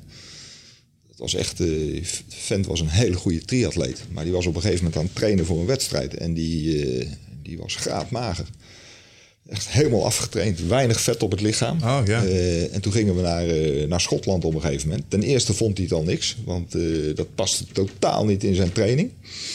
Heel andere belasting natuurlijk. Ja, ja, ja, ja. Ja, en, eh, maar ja, goed. Hey, luister vriend, je bent marinier geworden. Je gaat gewoon doen eh, wat er in het kader van marinier zijn van je verwacht wordt. Dus jij gaat gewoon mee eh, trainen en je gaat gewoon mee de bergtraining doen. Nou, die vent die is uiteindelijk uitgevallen. Want die had gewoon te weinig, wat wij dan noemen, stompvet op zijn geraamte zitten. Stompvet. Ja, mooi, mooie term. ja hè, stompen, lekker doorgaan. En ja, dat... als je, als je geen vetpercentage hebt, dan, eh, dan krijg je het al gauw koud. En Ja. dan heb je weinig buffer. Ja. En mensen, ik denk als mensen daar nooit zijn geweest, het, zeg maar het weer wat het nu is. Het is nu geloof ik gevoelstemperatuur min 10, min 15 graden, gure wind. En dan bovenop een berg.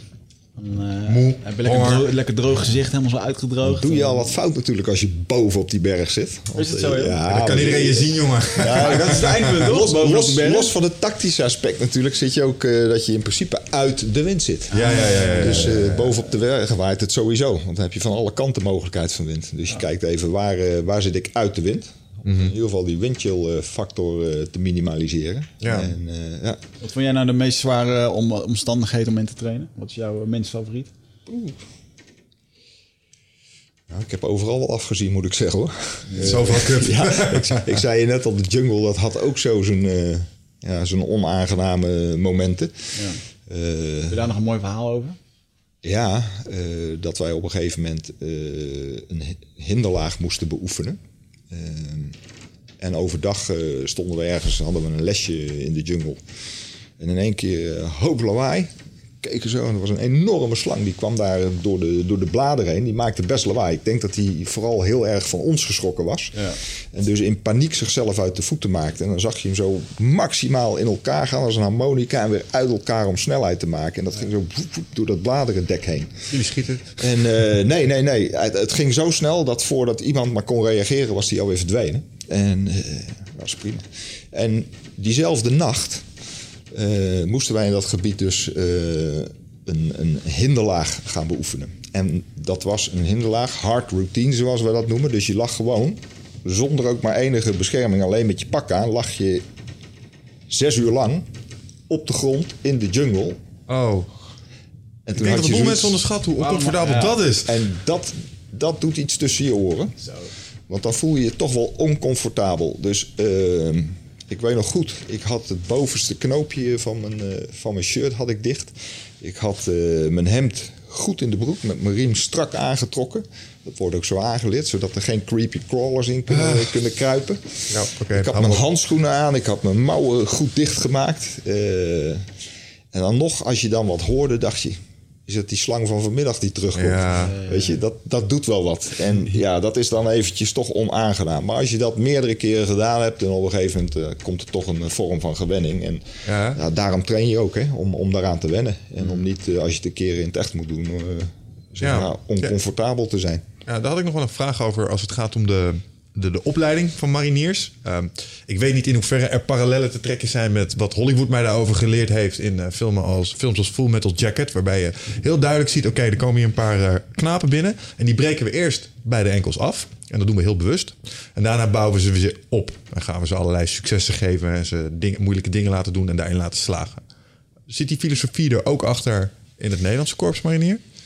Ja, kijk, eh, wij leiden net even wat anders op dan de Amerikanen. Dus eh, wat je bijvoorbeeld kent uit Full Metal Jacket, dat doen wij niet. Maar in het kader van het socialisatieproces eh, zorgen we wel dat mensen toch het idee hebben dat ze uit hun comfortzone worden getrokken.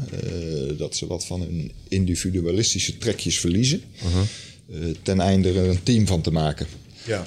Dus dat doen we wel weer. En wat daarbij helpt is onzekerheid over het programma. De factor tijd die je niet kent. Eh, het feit dat je afgestraft wordt voor dingen die jouw buddy verkeerd doet. Ja. ja. Dat, dat, dat zijn toch wel dingen die bij ons in de opleiding zitten. Dat was het nog, misschien nog wel het meest filijne. Wij hebben een, eh, een soort eh, jaarprogramma waarbij we mensen, eh, ondernemers onder onze hoede hebben. En wat wij hebben ingebakken is een soort fysieke uitdaging. We noemen dat de Marine Experience. En dan worden we door twee van jouw uh, oud mannen, zeg maar, Ja. worden we eh, een, een dag lang over de klink gejaagd. En het ergste was inderdaad, als je je wapen verder als een meter bij je uit de buurt liet liggen, dan kreeg je burpees. Maar uiteindelijk werd het stinghuis. Oh, hij heeft zijn wapen uit de buurt laten liggen. Jij gaat zijn burpees geven. Oh, dat is echt erg, jongen. Dat is echt verschrikkelijk Ja. als je dat... eh, ja. Burpees, killing. Sadisme heet het. Ja. ja. trouwens, dat van je wapen niet verder dan een meter van je vandaan, dat, dat, daar heb ik nog wel een, een, een leuke jeugdherinnering aan. Uit, eh, uit mijn initiële opleiding. Ehm, wij gingen voor onze eindoefening van de potom gingen wij naar Wales. En dat was ergens eh, in eind februari, begin maart, denk ik. In de Brecon Beacons. En eh, het was ongelooflijk guur weer. Zoiets als wat we nu hebben, maar dan met sneeuw. Eh stervenskoud, heuvelachtig terrein. Ehm, en over bergpaadjes lopen die, eh, die bevroren waren. Waar, waar soms gewoon echt een laag ijs overheen la- lag. En ik weet nog goed, ik had een zware rugzak op. Ik liep vooraan. Ik zat nog geen jaar in dienst, het was een opleiding. En ik gleed op een gegeven moment uit. Ik had mijn geweer in mijn handen. En eh, de Engelse drill was toen, je had geen geweerriem. Dus dat geweer zat niet om je nek of zo. Dat had je alleen in je handen. En eh, ik viel. Ik rolde naar beneden een paar meter. En ik had om mezelf eh, te remmen en te beschermen... had ik mijn handen nodig. Dus ik had mijn geweer even losgelaten. Ik lag beneden. Ik had nog zoiets van, heb ik wat gebroken? Leef ik nog wel? En terwijl ik nog niet klaar was met, eh, met het beoordelen van mijn eigen toestand... stond er een Engelse instructeur naast me. En eh, die zei, sir, where's your weapon? Oh jee. Dus ik kijk omhoog en dat geweer dat lag ergens halverwege die eh, drie, vier meter die ik naar beneden was gerold. En toen zei hij, get your act together. Oftewel, niet even kijken, leef ik nog? Nee, eerst je geweer en dan de rest. En die vent, dat was iemand die had eh, een dapperheidsonderscheiding gekregen tijdens de Falklandsoorlog. Omdat hij een, eh, best wel iets, iets knaps had gedaan. Ja, en dus die had een bepaalde autoriteit voor ons. Toen dacht ik, potverdorie, als deze vent dat zo zegt. Ja, ik had gewoon mijn geweer vast moeten houden en dan maar met één hand moeten remmen. Dus eh, dat zijn dingen, ja, die onthoud je. ja, dat wordt je wel vanaf het begin af aan duidelijk Ja. gemaakt. Ja. Ja, dat, dat, dat vond ik wel iets, eh, dat ben ik nooit meer vergeten. Mooi is dat. Dat je ook van dat soort gasten hebt waarvan je weet... Ja, die gast die weet het. Ja. Hij moet geen slechte dingen tegen mij gaan zeggen. Ja, ja, dit precies. zijn badasses. Ook, ook het idee van, weet je, dat hij niet zei van, eh, are you okay?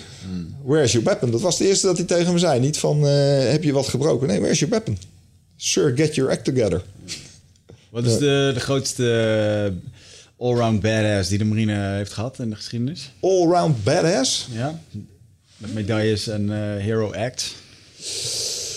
Oh jee, ik, ik denk dat er wij, ik denk dat wij best wel wat mensen hebben gehad die eruit springen. Maar eh, om, om maar iets te noemen, wij. voor onze corporaals die, die nieuw aantreden, die de corporaalsopleiding met succes afronden, hebben wij de Hakkenberg trofee. En eh, Giovanni Hakkenberg, eh, dat was iemand die heeft een eh, militaire Willemsorde gekregen voor zijn optreden in, in voormalig Nederlands-Indië met de Mariniersbrigade. Kijk, dat zijn de mannen.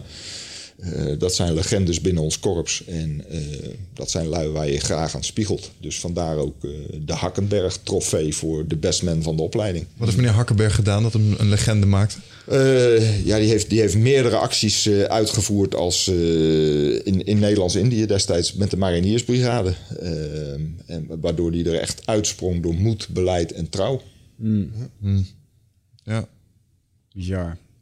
Ja gaaf. zijn mooie Ik- verhalen. ja, ik blijf dat, ik blijf dat Ja. eh, mooi en interessant Ik vinden. vond dat soort verhalen, wat mij altijd... We hebben het hier vorige keer met Dick Berlijner ook over gehad. Bijvoorbeeld eh, toen ehm Molukse terroristen de, de trein hadden gekaapt in, eh, in Nederland. En ehm, het heeft mij altijd gefascineerd. Op een gegeven moment oh, is er een, een periode geweest dat er heel veel terrorisme opkwam in, een, eh, in de wereld. Volgens mij in, eh, in Engeland hebben ze toen de ambassade gegijzeld. Daar is volgens mij de SAS uitgeboren. Ja. En eh, eh, bij Nederland was op een gegeven moment ook de behoefte, de bijzondere bijstandseenheid. Wat een onderdeel is van de Corps Mariniers. En dat zijn de jongens die we bellen als er terrorisme een dreiging is. Ja. Ehm, Die staan onder jouw commando?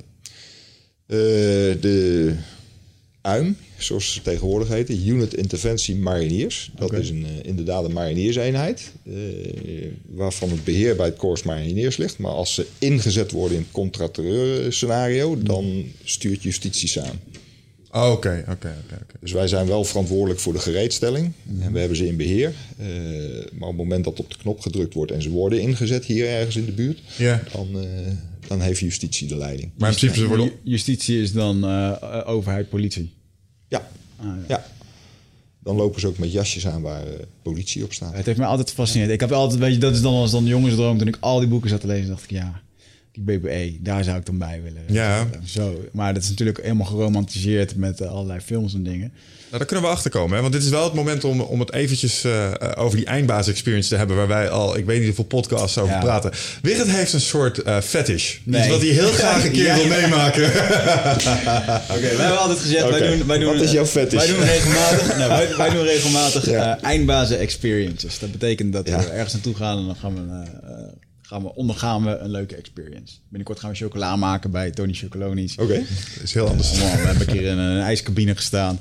En ehm, wij hebben altijd ehm, fascinatie gehad over het binnenvallen van een huis. Dus, eh, ehm, en dan heeft Michel, die heeft heel erg de fascinatie van... ja, hoe is het? Ik wil gewoon zo'n huis binnenvallen en daadwerkelijk... ehm, Leren hoe dat moet. Leren hoe, je, hoe je een kamer kleert. Hoe je een huis binnen... zeg en, maar. en, en de keerzijde bij mij is, het lijkt mij dus echt fascinerend om een keer in zo'n kamer te staan, wetende dat er straks zes van die gasten op een of andere manier binnenkomen, eh, om dat gewoon eens een keertje mee te maken. Dus eh, dat je dan een flashbang om je oren krijgt en eh, dat je dan mag proberen om wat terug te doen.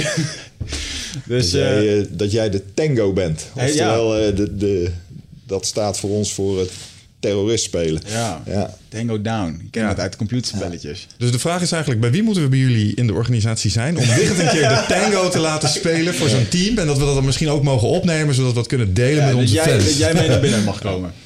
Weet je, dat gaan we gewoon regelen.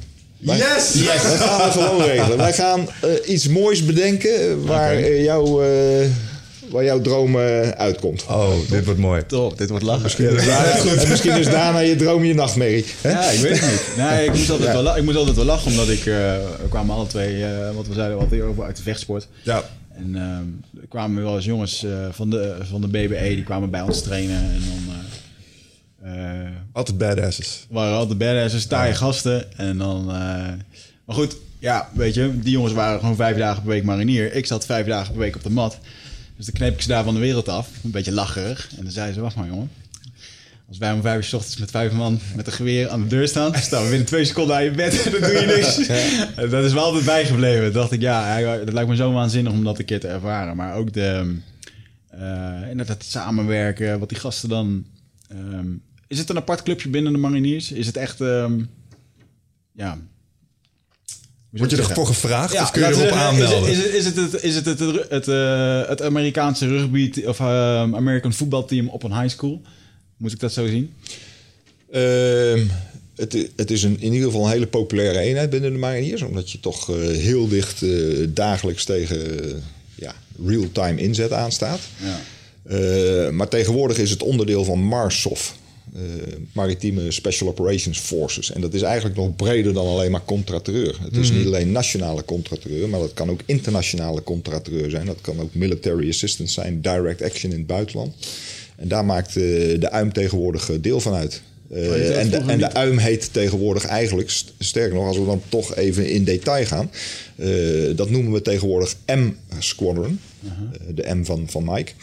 M-Squadron, en dat maakt onderdeel uit van MARSOF, Maritime Special Operations Forces. En we hebben een M-Squadron, we hebben een C-Squadron. Eh, het M-Squadron is voor de nationale contraterreurtaak. Het C-Squadron is voor internationaal Special Operations eh, werk eh, in de maritieme sector.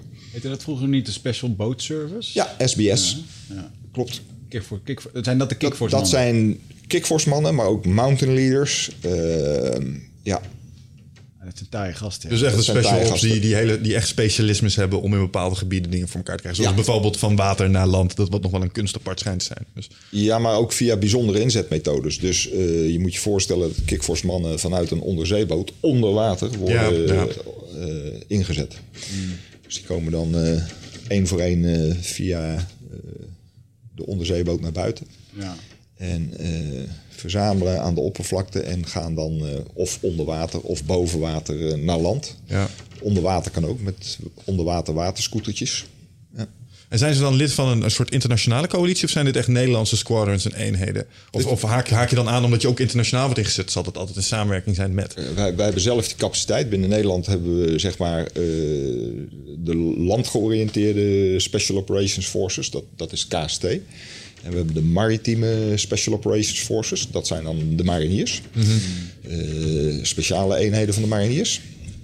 En eh, wij moeten sowieso in staat zijn om internationaal op te treden. Maar we moeten ook in staat zijn om specifieke nationale operaties te doen. Dus we kunnen aanklikken, we kunnen het ook zelf doen. Ja. Ja, taaie jongens wel. Ik, eh, Is dat, eh, past dat bij het profiel marinier? De- oh, want je zegt die, die UM is heel populair omdat je heel dicht tegen real-time ehm, inzet aan zit. Dus dat betekent dat zijn mensen die willen graag actie. Ja. Is dat binnen je mariniers nog een bepaald profiel die daarvoor gaan? Of is elke marinier zo? Nou, in de basis eh, houdt iedere marinier daarvan. Ja. Maar je hebt ook mensen die voor andere specialisaties kiezen. Je hebt ook mensen die, eh, die, die kiezen voor recce sniper, oftewel verkenner en sniper worden. Je hebt ook mariniers die kiezen voor eh specialist te worden in demolitie. Of combat tracker. Of, eh, ja, het is maar net even waar je het gevoel bij hebt dat jij daar je ei het beste kwijt kan. Ja, ja. dat is ook wel een, ja, we hebben het er met Svillens ook al over gehad, over sluipschutters. Dat is ook wel een pittige opleiding. Hiervoor hadden we het er ook nog over. Ja, ja, ja, ja. Ik eh, luister naar een eh, podcast in Amer- uit Amerika van Jocko Willink. Dat is een ex-Navy SEAL. Die heeft een boek geschreven, Extreme Ownership. En hij vertelt in zijn podcast, een beetje in dit format ook, praat hij met militairen. En hij had toevallig laatst iemand van de sniperopleiding van, eh, ik geloof ook korpsmariniers eh, uit Amerika, had hij. En die vertelde over hun trainingsmethodes. Dat ze dan iemand in een veld zetten, zoiets als de Veluwe. Die zit op een truck met een Ja. verrekijker. En zijn baan is mensen vinden die zich verstoppen. Dat, dat doet hij. Ja. En dan moeten die snipers proberen hem op een bepaalde afstand te naderen. Ongezien. Een schot te lossen. Dan mag die gast een paar mensen die hij bij zich heeft in het veld inzetten. Van, hey, ga daar eens kijken. Ik denk dat hij daar zit. En dan moeten ze nog een keer schieten. Ongezien. En toen dacht ik, jezus, wat voor ninja ben je dan als je dat kan? Ja, maar dat is, dat is exact ook onze. Dat, Dat is, is wat ook precies wat wij ook doen. Holy shit, man. Hoe leer je mensen dat? Dat is toch onge- ongekend? Nou, je begint al. eh, sniping is niet alleen dat je goed kan schieten, maar het begint wel in de basis dat we in principe mensen eh, richting de sniperopleiding sturen die toch wel redelijk goed kunnen schieten. Daar zijn. begint het mee. Ja. Maar daarnaast zijn er nog veel andere vaardigheden die, eh, die je moet eh, kennen en kunnen als, als sniper. Hey, heeft lichaambouw daar ook nog een rol bij trouwens? Want ik, zit me voor, ik, stel me zo voor dat Wigert een betere sniper zou zijn als ik. Want ik ben iets groter. Ik ben iets minder makkelijk te verstoppen. Ik ben iets, misschien iets minder mobiel. Zou dat nog uitmaken? Dus je... nou, een van onze eerste succesvolle snipers die was langer dan ik. Oké, dus dat maakt helemaal niks Eh, uit. Dus het is niet per definitie. Het, het helpt natuurlijk wel als je bent. Nou, Ja. Als je, als je Ja. gewoon wat, wat, wat slanker bent en wat, wat kleiner bent, dan, eh, dan kan je misschien wat makkelijker verstoppen. Maar aan zich is het niet per definitie zo dat, je, dat jij geen sniper zou kunnen worden. Nee. Maar ik moet, een keer, ik moet denken namelijk aan... eh, we hebben een keer een paintball-wedstrijdje gedaan met een bekende eh, vechter. Destijds misschien ken je wel. Ja, Minotauro Nogueira. Dat was echt zo'n zo'n kerel, zeg maar. En die probeerde zich ook te verstoppen achter een boom. Maar dat wou niet, want ze kwamen, Nee. kwamen er aan beide kanten. Ja, ik weet achter goed langs. gemaakt. Jij gaat een keertje mee voor die contra-terreur experience. En ik nodig jou uit om een keer bij die sniperopleiding te komen kijken. Ja, Als, als, als ze deze, dit examenonderdeel doen. Ja, dat lijkt me echt fantastisch. Ja, zeker. Dat is een waanzinnige experience inderdaad. Dat is gewoon, eh, dat is gewoon gaan echt bijzonder hoor. Want ik, op Michel schieten, toch? Prima. maar ik heb, ik heb zelf heb ik, eh, daar wel eens gestaan. En dat ik echt dacht... Hoe is het mogelijk dat ik dus niet zie waar die gasten zitten? Ja. Bizar echt. Bizar. Ik heb er wel eens een filmpje van gezien. Dan demonstreren ze de effectiviteit van camo ergens. En dan staan ze te filmen naar zo'n veld.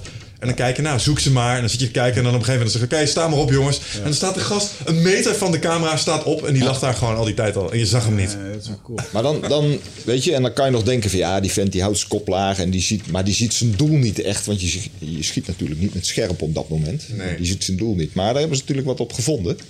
De instructeur houdt dan bijvoorbeeld een bordje met een cijfer omhoog en dan moet die sniper wel even zeggen welk cijfer die op dat moment. Ja, dat, dat- Dus, dus dat je zeker weet dat hij ook precies het doel ziet waar hij op moet vuren. En niet dat hij denkt, nou, ik hou mijn kop laag, want dan zien ze me niet. Nee.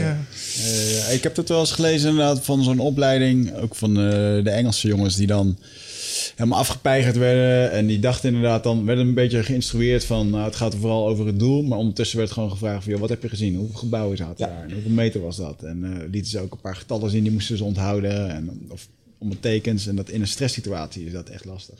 En dat is wat wij met die Marine Experience als eerste merkten. Dat mensen onder stress moest je samen een vlot bouwen. En dan eh, kwam in één keer de irritatie en het... eh, Ja, of de, wat dacht je van de cognitieve beperking? Ik wist op een gegeven moment niet meer hoe touw werkte. Weet je Ja. wel, dan moet je, moet je een vlot in elkaar knippen en je zit echt met... eh, Waar zit het begin? Ik, ik weet het allemaal even niet meer. Ik ben moe, ik wil naar huis. Weet je wel, dat. En dan word je onder druk gezet en inderdaad, dan, dan snauwt er iemand tegen je en dan ben je... Ja, Ja. ja. dat is eh, interessant hoor, hoe dat gaat. Dikke. Ja. Blijven functioneren. Ook, eh, Ja, en niet in je bel zitten, was wat die jongens met name de hele tijd riepen. Uit je bel! Nou, dat is een van de dingen die we altijd heel belangrijk vinden. Je, eh, zorg ervoor dat je altijd je situational awareness, je omgevingsbewustzijn behoudt. En dat situational awareness moet je dan koppelen aan situational understanding. Dus je kan wel zien wat er allemaal om je heen beweegt, maar probeer ook te begrijpen wat dat betekent voor jou. Ja. En vervolgens moet je dat koppelen aan actieintelligentie. Dus scan je omgeving, zie wat er gebeurt, begrijp wat het voor jou betekent en koppel daar je actie aan. Situational awareness, situational understanding, actieintelligentie. Ja, en het benadrukte die experience ook heel erg eh, de behoefte van routine. Bijvoorbeeld, eh, als je het zwaar hebt en je bent moeilijk, ga je sommige dingen gewoon vergeten. Zoals je buddies checken en zo. En dan zetten ze je onder stress. En dan tikken ze gewoon iemand aan die achteraan loopt. Blijf jij maar even liggen.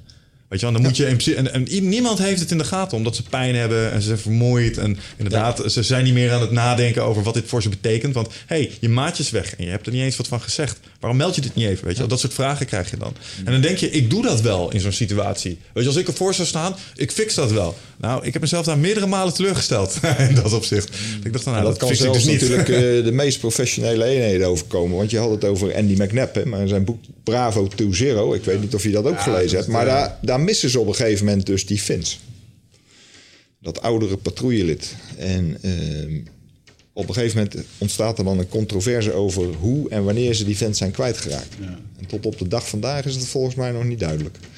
Of die ergens is gaan zitten en eh, niemand het ontdekt heeft. Of hij bewust zelf iets andere koers heeft gekozen.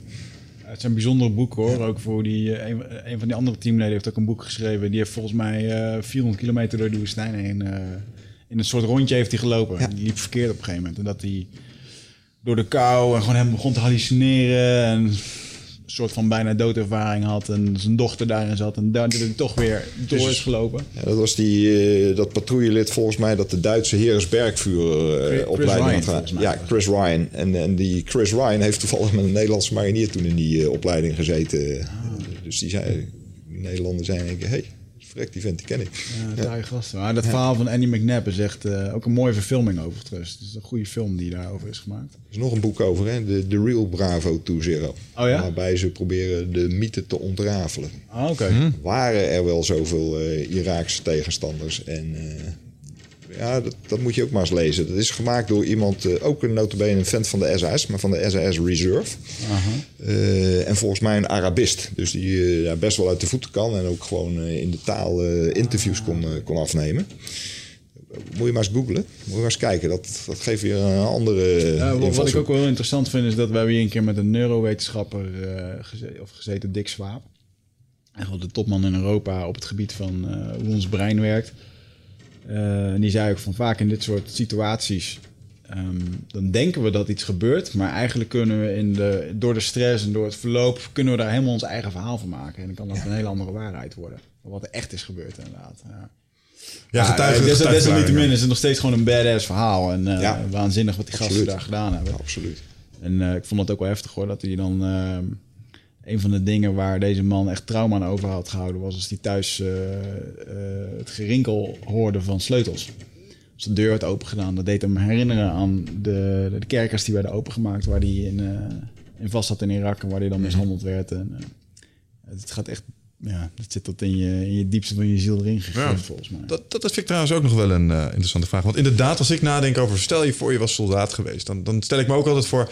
man, het ergste volgens mij wat je daar kan gebeuren... is niet neergeschoten worden, maar gevangen genomen worden. Bijvoorbeeld. Kunnen we ook een eindbaas experience met waterboarding doen? Nee, nee, nee. ja, hier, hier ter plekke. Ja. Dat kunnen we hier wel doen. Ik zie een theedoek. Ik zie water. Ja, eh, ja. Al, alle benodigdheden zijn aanwezig. Let's do it, let's do it. Nee, maar is dat iets... eh, ehm, hebben ze het erover in de opleiding?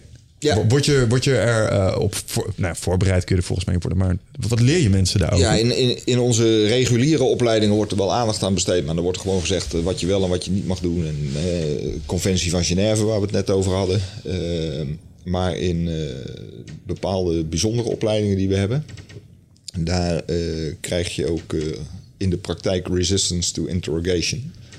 En daar word je ook echt eh, onderworpen aan krijgsgevangenenverhoor. Ja. En hoe je dan moet gedragen. Eh, dat, is, dat is wel aan strakke regels verbonden in Nederland. Hè? Dus eh, ze mogen je niet echt doodmaken.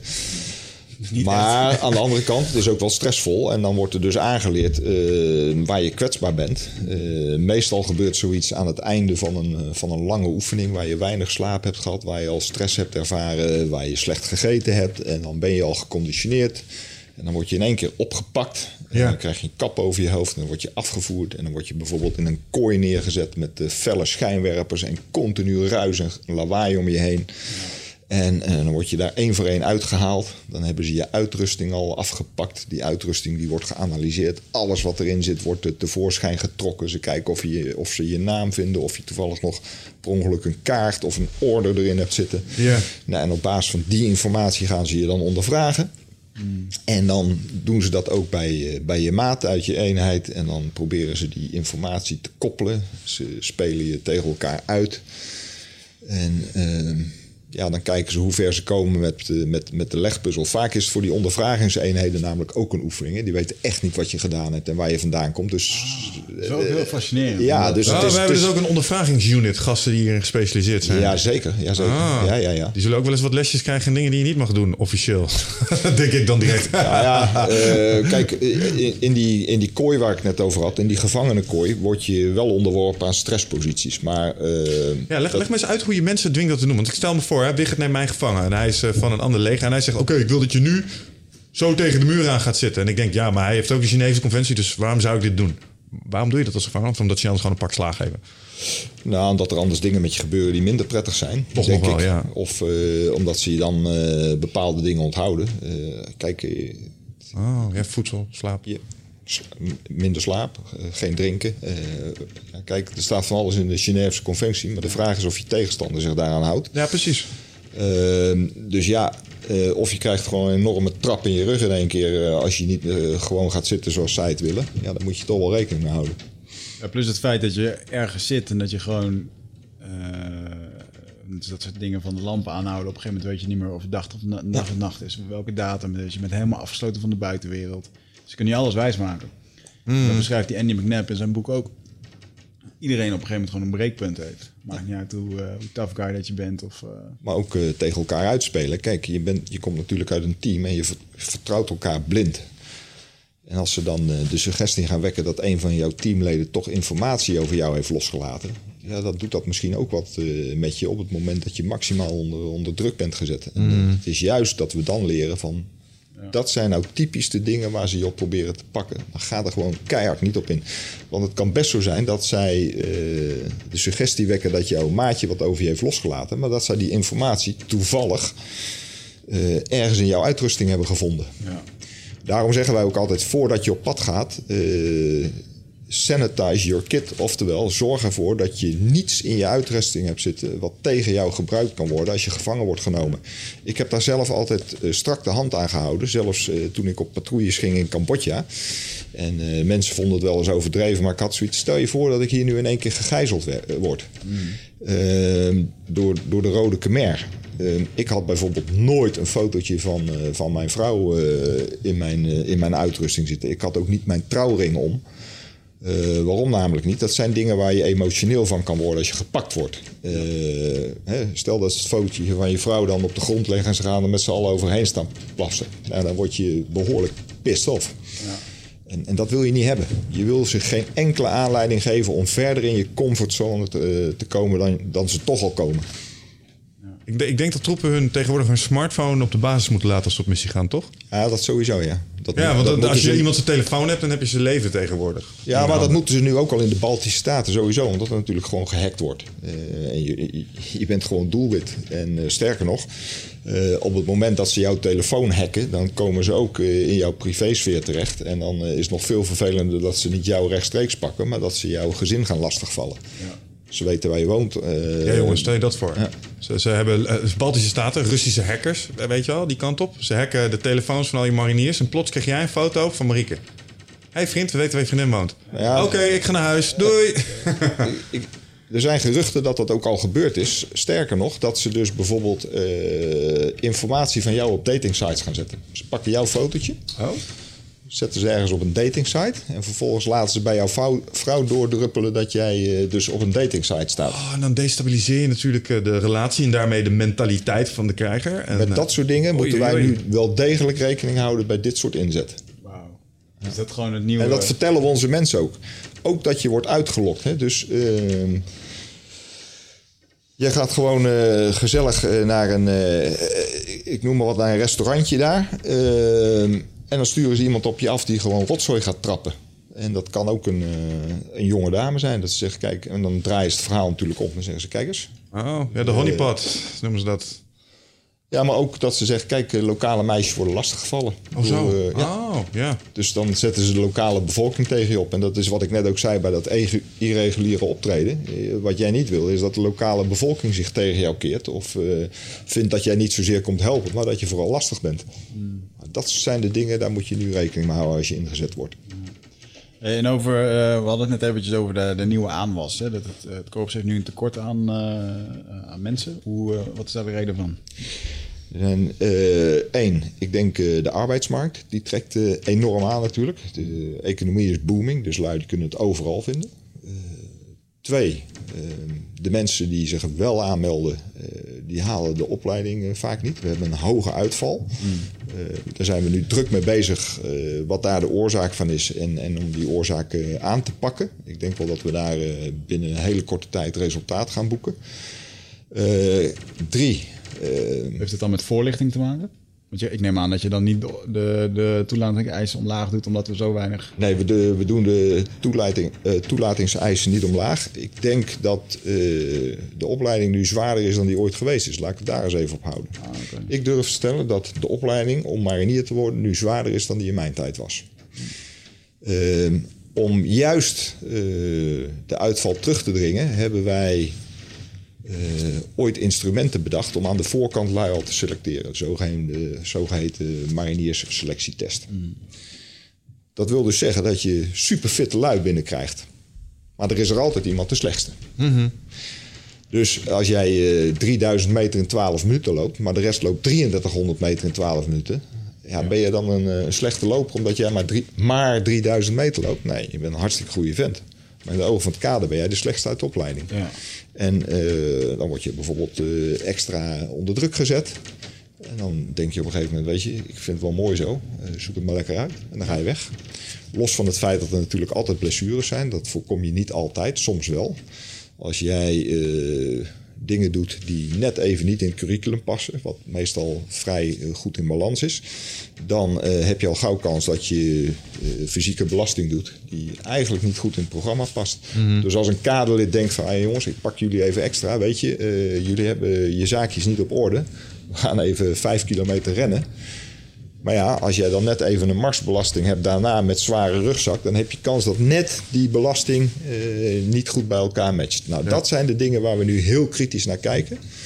Ehm, en, en het laatste is, eh, maar dat is nog niet bewezen, maar dat is een hardnekkig eh, gerucht. Wat ik graag uitgezocht wil hebben, is dat toch ook de verhuizing, mogelijke verhuizing naar Vlissingen een rol speelt bij de verhoogde uitstroom. Oh, oké. Ehm, nu zitten we nog in het midden van het land. Straks gaan we naar, eh, naar Vlissingen. Ehm, ja, dat, dat is toch eh, qua locatie eh, voor heel veel mensen minder aantrekkelijk. En dat is niet zozeer voor de marinier zelf, die daar gewoon straks wel een, eh, een, eh, zijn dingetje kan doen. Maar dat is vooral omdat je als marinier eh, veelvuldig, langdurig en soms onverwacht van huis bent. En wat Ja. je dan ziet is dat jouw partner eh, in dat soort gevallen terugvalt op een vertrouwde sociale omgeving. Eh, vaak is het haar eigen familie. Ja, en die wonen niet per se altijd in de buurt van Zeeland. Nee, dan is het wel een heel eindje rijden. Ja, ja, ja. Oké, check. En, en, en dat speelt wel degelijk een rol. En dat hoor je steeds vaker, dat, dat gerucht. Eh, als je het aan mensen vraagt, dan zeggen ze niet vaak eh, meteen van... eh, nee, ik wil niet naar Vlissingen. Maar het wordt wel vaak genoemd in het rijtje van redenen. ja. Dus daar maak ik me best wel zorgen over. Ik, ik heb ook nog een vraag over reden 2 die je aandroeg. Eh, als je kijkt naar eh, de, de selectiecriteria en de zwaarte van het programma. Ehm, we hadden het voor de podcast even over een, eh, een voormalig marinier, Noël Brandt. En, Die heb ik ook wel eens een lezing gegeven. En die is ook betrokken geweest bij het opleiden van nieuwe mariniers. En wat ik hem hoorde zeggen, en hij klonk daar een beetje als een, een oude brommende man die naar vis rook. Sorry Noël. Ehm, maar de jeugd van tegenwoordig, zit ook wel iets anders in elkaar, was zijn houding, als hiervoor. Dat, die, hebben, eh, die hebben het soms minder zwaar, zijn meer instant gratification gewend. En dat zijn allemaal eigenschappen eh, waar Korps Marinier je wel op de proef zal gaan stellen. En daar had hij wel een mening over. Hoe kijk jij daar tegenaan? Ja en nee, ik herken het wel. Maar dat is wel altijd een generatiedingetje. De generaties na jou zijn altijd softere generaties. Maar is, is, dat, is, dat, is dat ook waar? Per definitie. Want toen ik in dienst kwam, toen eh, vonden ze ons al een softe generatie. Toen ik eh, op een gegeven moment zelf op het opleidingscentrum zat, eh, tien jaar later, toen zei ik, eh, wat zijn dat voor lui die we binnenkrijgen? Ja. Toen je op een gegeven moment is er, is er zo'n programma geweest, De Uitverkorenen, zo'n documentaire over, over de mariniersopleiding. Toen zei een van de kaderleden, ja, wat we nu binnenkrijgen, dat zijn allemaal zesjes. Nou, die zesjes heb ik later in mijn operationele eenheid gehad. Dat waren allemaal achters en negens geworden. Ja. Eh, dus ja, het is wel een generatieding om altijd te roepen dat wat er na jou komt softer is. Eh, maar voor een deel is het misschien ook zo. Omdat je tegenwoordig, ja, je hebt toch lui die meer op, eh, op hun iPad en hun iPhone zitten dan dat ze buiten aan het spelen zijn. Ja. Dat zou kunnen. Ehm, maar ik denk dat er, dat er nog iets een rol speelt. Ehm, ja, misschien dat, eh, dat je vanwege de huidige levensstijl... dat de overgang naar eh, datgene wat wij doen groter is. Ja. Maar je moet dus daarom mensen de tijd geven om daarin te groeien. En wat er juist gebeurd is onder druk van de bezuinigingen... is dat de opleidingen korter zijn geworden. Ja. Dat is dus contraproductief. En waar wij nu naar kijken in het kader van het terugdringen van de uitval... is die opleiding langer maken. Zodat we de mensen die uit de maatschappij van 2018 komen... nog steeds op het eindniveau brengen dat we altijd hebben willen hebben. Ik denk dat, we, dat, ik, dat nu mij ook het nuance-niveau te binnen schiet wat- je daarbij zoekt inderdaad. Misschien is het wel zo dat eh, toen mijn opa... Mijn opa he- heeft eh, ook eh, in Indonesië gevochten. Zat Ook een military man. KMA gedaan destijds. Ehm, op het moment dat hij zeg maar, bij de strijdmacht zich aanmeldde... was hij misschien al een 8 Omdat hij een andere mate van leven gewend was. En mijn vader was toen hij naar de eh, politieacademie ging, eh, was hij een 7. En ik was misschien een 6 geweest als ik was binnengekomen omdat ik een makkelijker leven had gehad. Maar ik denk dat we in potentie allemaal die 9 zouden zijn geweest. Als we maar bloot zouden zijn gesteld aan die frictie. Ja, ik denk dat dat, Dat het is, is. dat is precies wat ik duidelijk wil. Maar eh, dat, wat mij net door het hoofd schoot Ja. toen jij over, over die opmerking begon van, eh, van Noël Brand. En die mij ontschoot. Maar dat is precies waar ik naartoe wil. Ik denk dat in potentie dat we nog steeds dezelfde kwaliteit Ja, kunnen houden ja, als die ja, we ja, altijd gehad hebben. Eh, maar dat je soms een wat andere en soms wat langere weg moet zoeken. Ja, vooral nu zul je rekening moeten houden met de nieuwe omstandigheden. Maar als je dat goed doet, maak je er ook gewoon 9 en 10 van. Absoluut, want Ja. eh, wat ik al zei, de, de, de mensen die ooit in die, eh, in die documentaire De Uitverkorenen werden betiteld als zes, die heb ik later als een acht en een negen ervaren. Ja. Vraag. Als je dan kijkt naar mensen... Die, stel, de, de luisteren hier eh, mensen. eh, we hadden het net al bijvoorbeeld even over eh, mannen en vrouwen. Zitten er vrouwen in korps, mariniers? Eh, sinds januari is er één vrouw in de initiële opleiding. Oké. Ja, dat is de eerste. Die de opleiding überhaupt doet of haalt? Of... Die de opleiding doet. Oké. De, het Corps Mariniers is per 1 januari 2017 opengesteld voor vrouwen. En in januari 18 is de eerste vrouw ook daadwerkelijk aan de opleiding begonnen. Check. Oké, dat, dat geeft al een deel het antwoord op de vraag. Want stel je bent een jongen of een meisje en je luistert naar en denkt... het lijkt me hartstikke kicken. Hoe ziet dan een perfecte kandidaat voor het korps mariniers eruit? Wat voor mensen zijn jullie eigenlijk naar op zoek... als je je ideale kandidaat moest omschrijven? Eh, een gezonde Hollandse jongen of meid. Eh, die eh, houdt van eh, fysieke inspanning. Die avontuurlijk is ingesteld. Die bereid is eh, de, de- zijn of haar grenzen eh, op te zoeken. En die bereid is vervolgens die grenzen te verleggen. Eh, die teamplayer is. Die bereid is zichzelf weg te cijferen in, ten behoeve van een ander. Van je buddy, van je team. En wat heel belangrijk is, denk ik, als marinier, is ook dat je bereid bent om te dienen. Dat je jezelf dus wegcijfert eh, in het belang van het grotere geheel. Ja. Het zij je team, maar het zij ook de maatschappij. Ja, dat snap ik. En, en, en als je dit dan hebt gedaan, dus eh, je hebt de opleiding gekozen, eh, je bent marinier geweest. ehm, wat is het dan, de- wat ik wel interessant is, wat snapt een marinier, iemand die dus dat hele traject heeft doorlopen, eh, wat een gemiddelde burger niet snapt of kan? Snap je? Dus wat brengt je dat als je, dat, als je, als je die reis aangaat? Wat ga je daar leren? Eh, het gevoel van kameraadschap dat wij kennen, is bijna niet uit te leggen aan een buitenstaander. Oké. Dat is, dat is heel moeilijk te benoemen. Eh, dat is gewoon een gevoel, dat heb je. Eh, en, en probeer dat maar eens over te dragen. Eh, dat, is- dat is gewoon haast fysiek. Ja, misschien snappen wij het een beetje omdat we Ja, ja, omdat jullie Brazilian Jiu-Jitsu familie hebben, zeg maar, die een beetje hetzelfde voelt. Dus je Veel veel... eigen tribe, weet je wel. Ja. Je hebt er gewoon nou mee ja, gezweet, mee gehuild, mee gebloed. En eh, ja, Ja, en je, beren- je bent bereid voor elkaar door het vuur te gaan. Eh, zeker.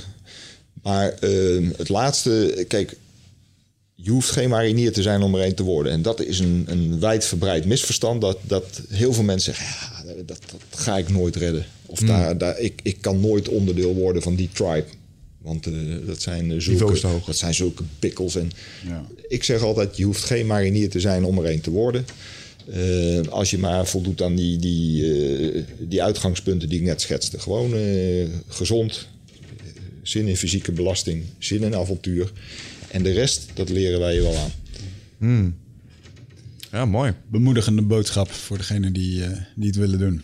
Ja, absoluut. Het, is, het, het is te halen. We lopen aan het eind van onze tijd. En, eh, Nu alweer. Jammer, maar ik ja, heb nog want- zoveel vragen. Ja, we hebben eigenlijk helemaal niet zoveel. Ik had nog heel veel aan je willen vragen. Maar dan moeten we nog maar een keertje doen dan. Hoe, la- hoe laat leven we nu? Eh, als we dan toch naar die experiences gaan, dan komen we ook wel even bij jou op kantoor langs. Dan doen we dit gewoon nog een keer over. ja, nee, ja, je, wordt, je werd om half drie opgehouden. Het is inderdaad alweer kwart over twee. Oh, Holy shit, dit ging snel.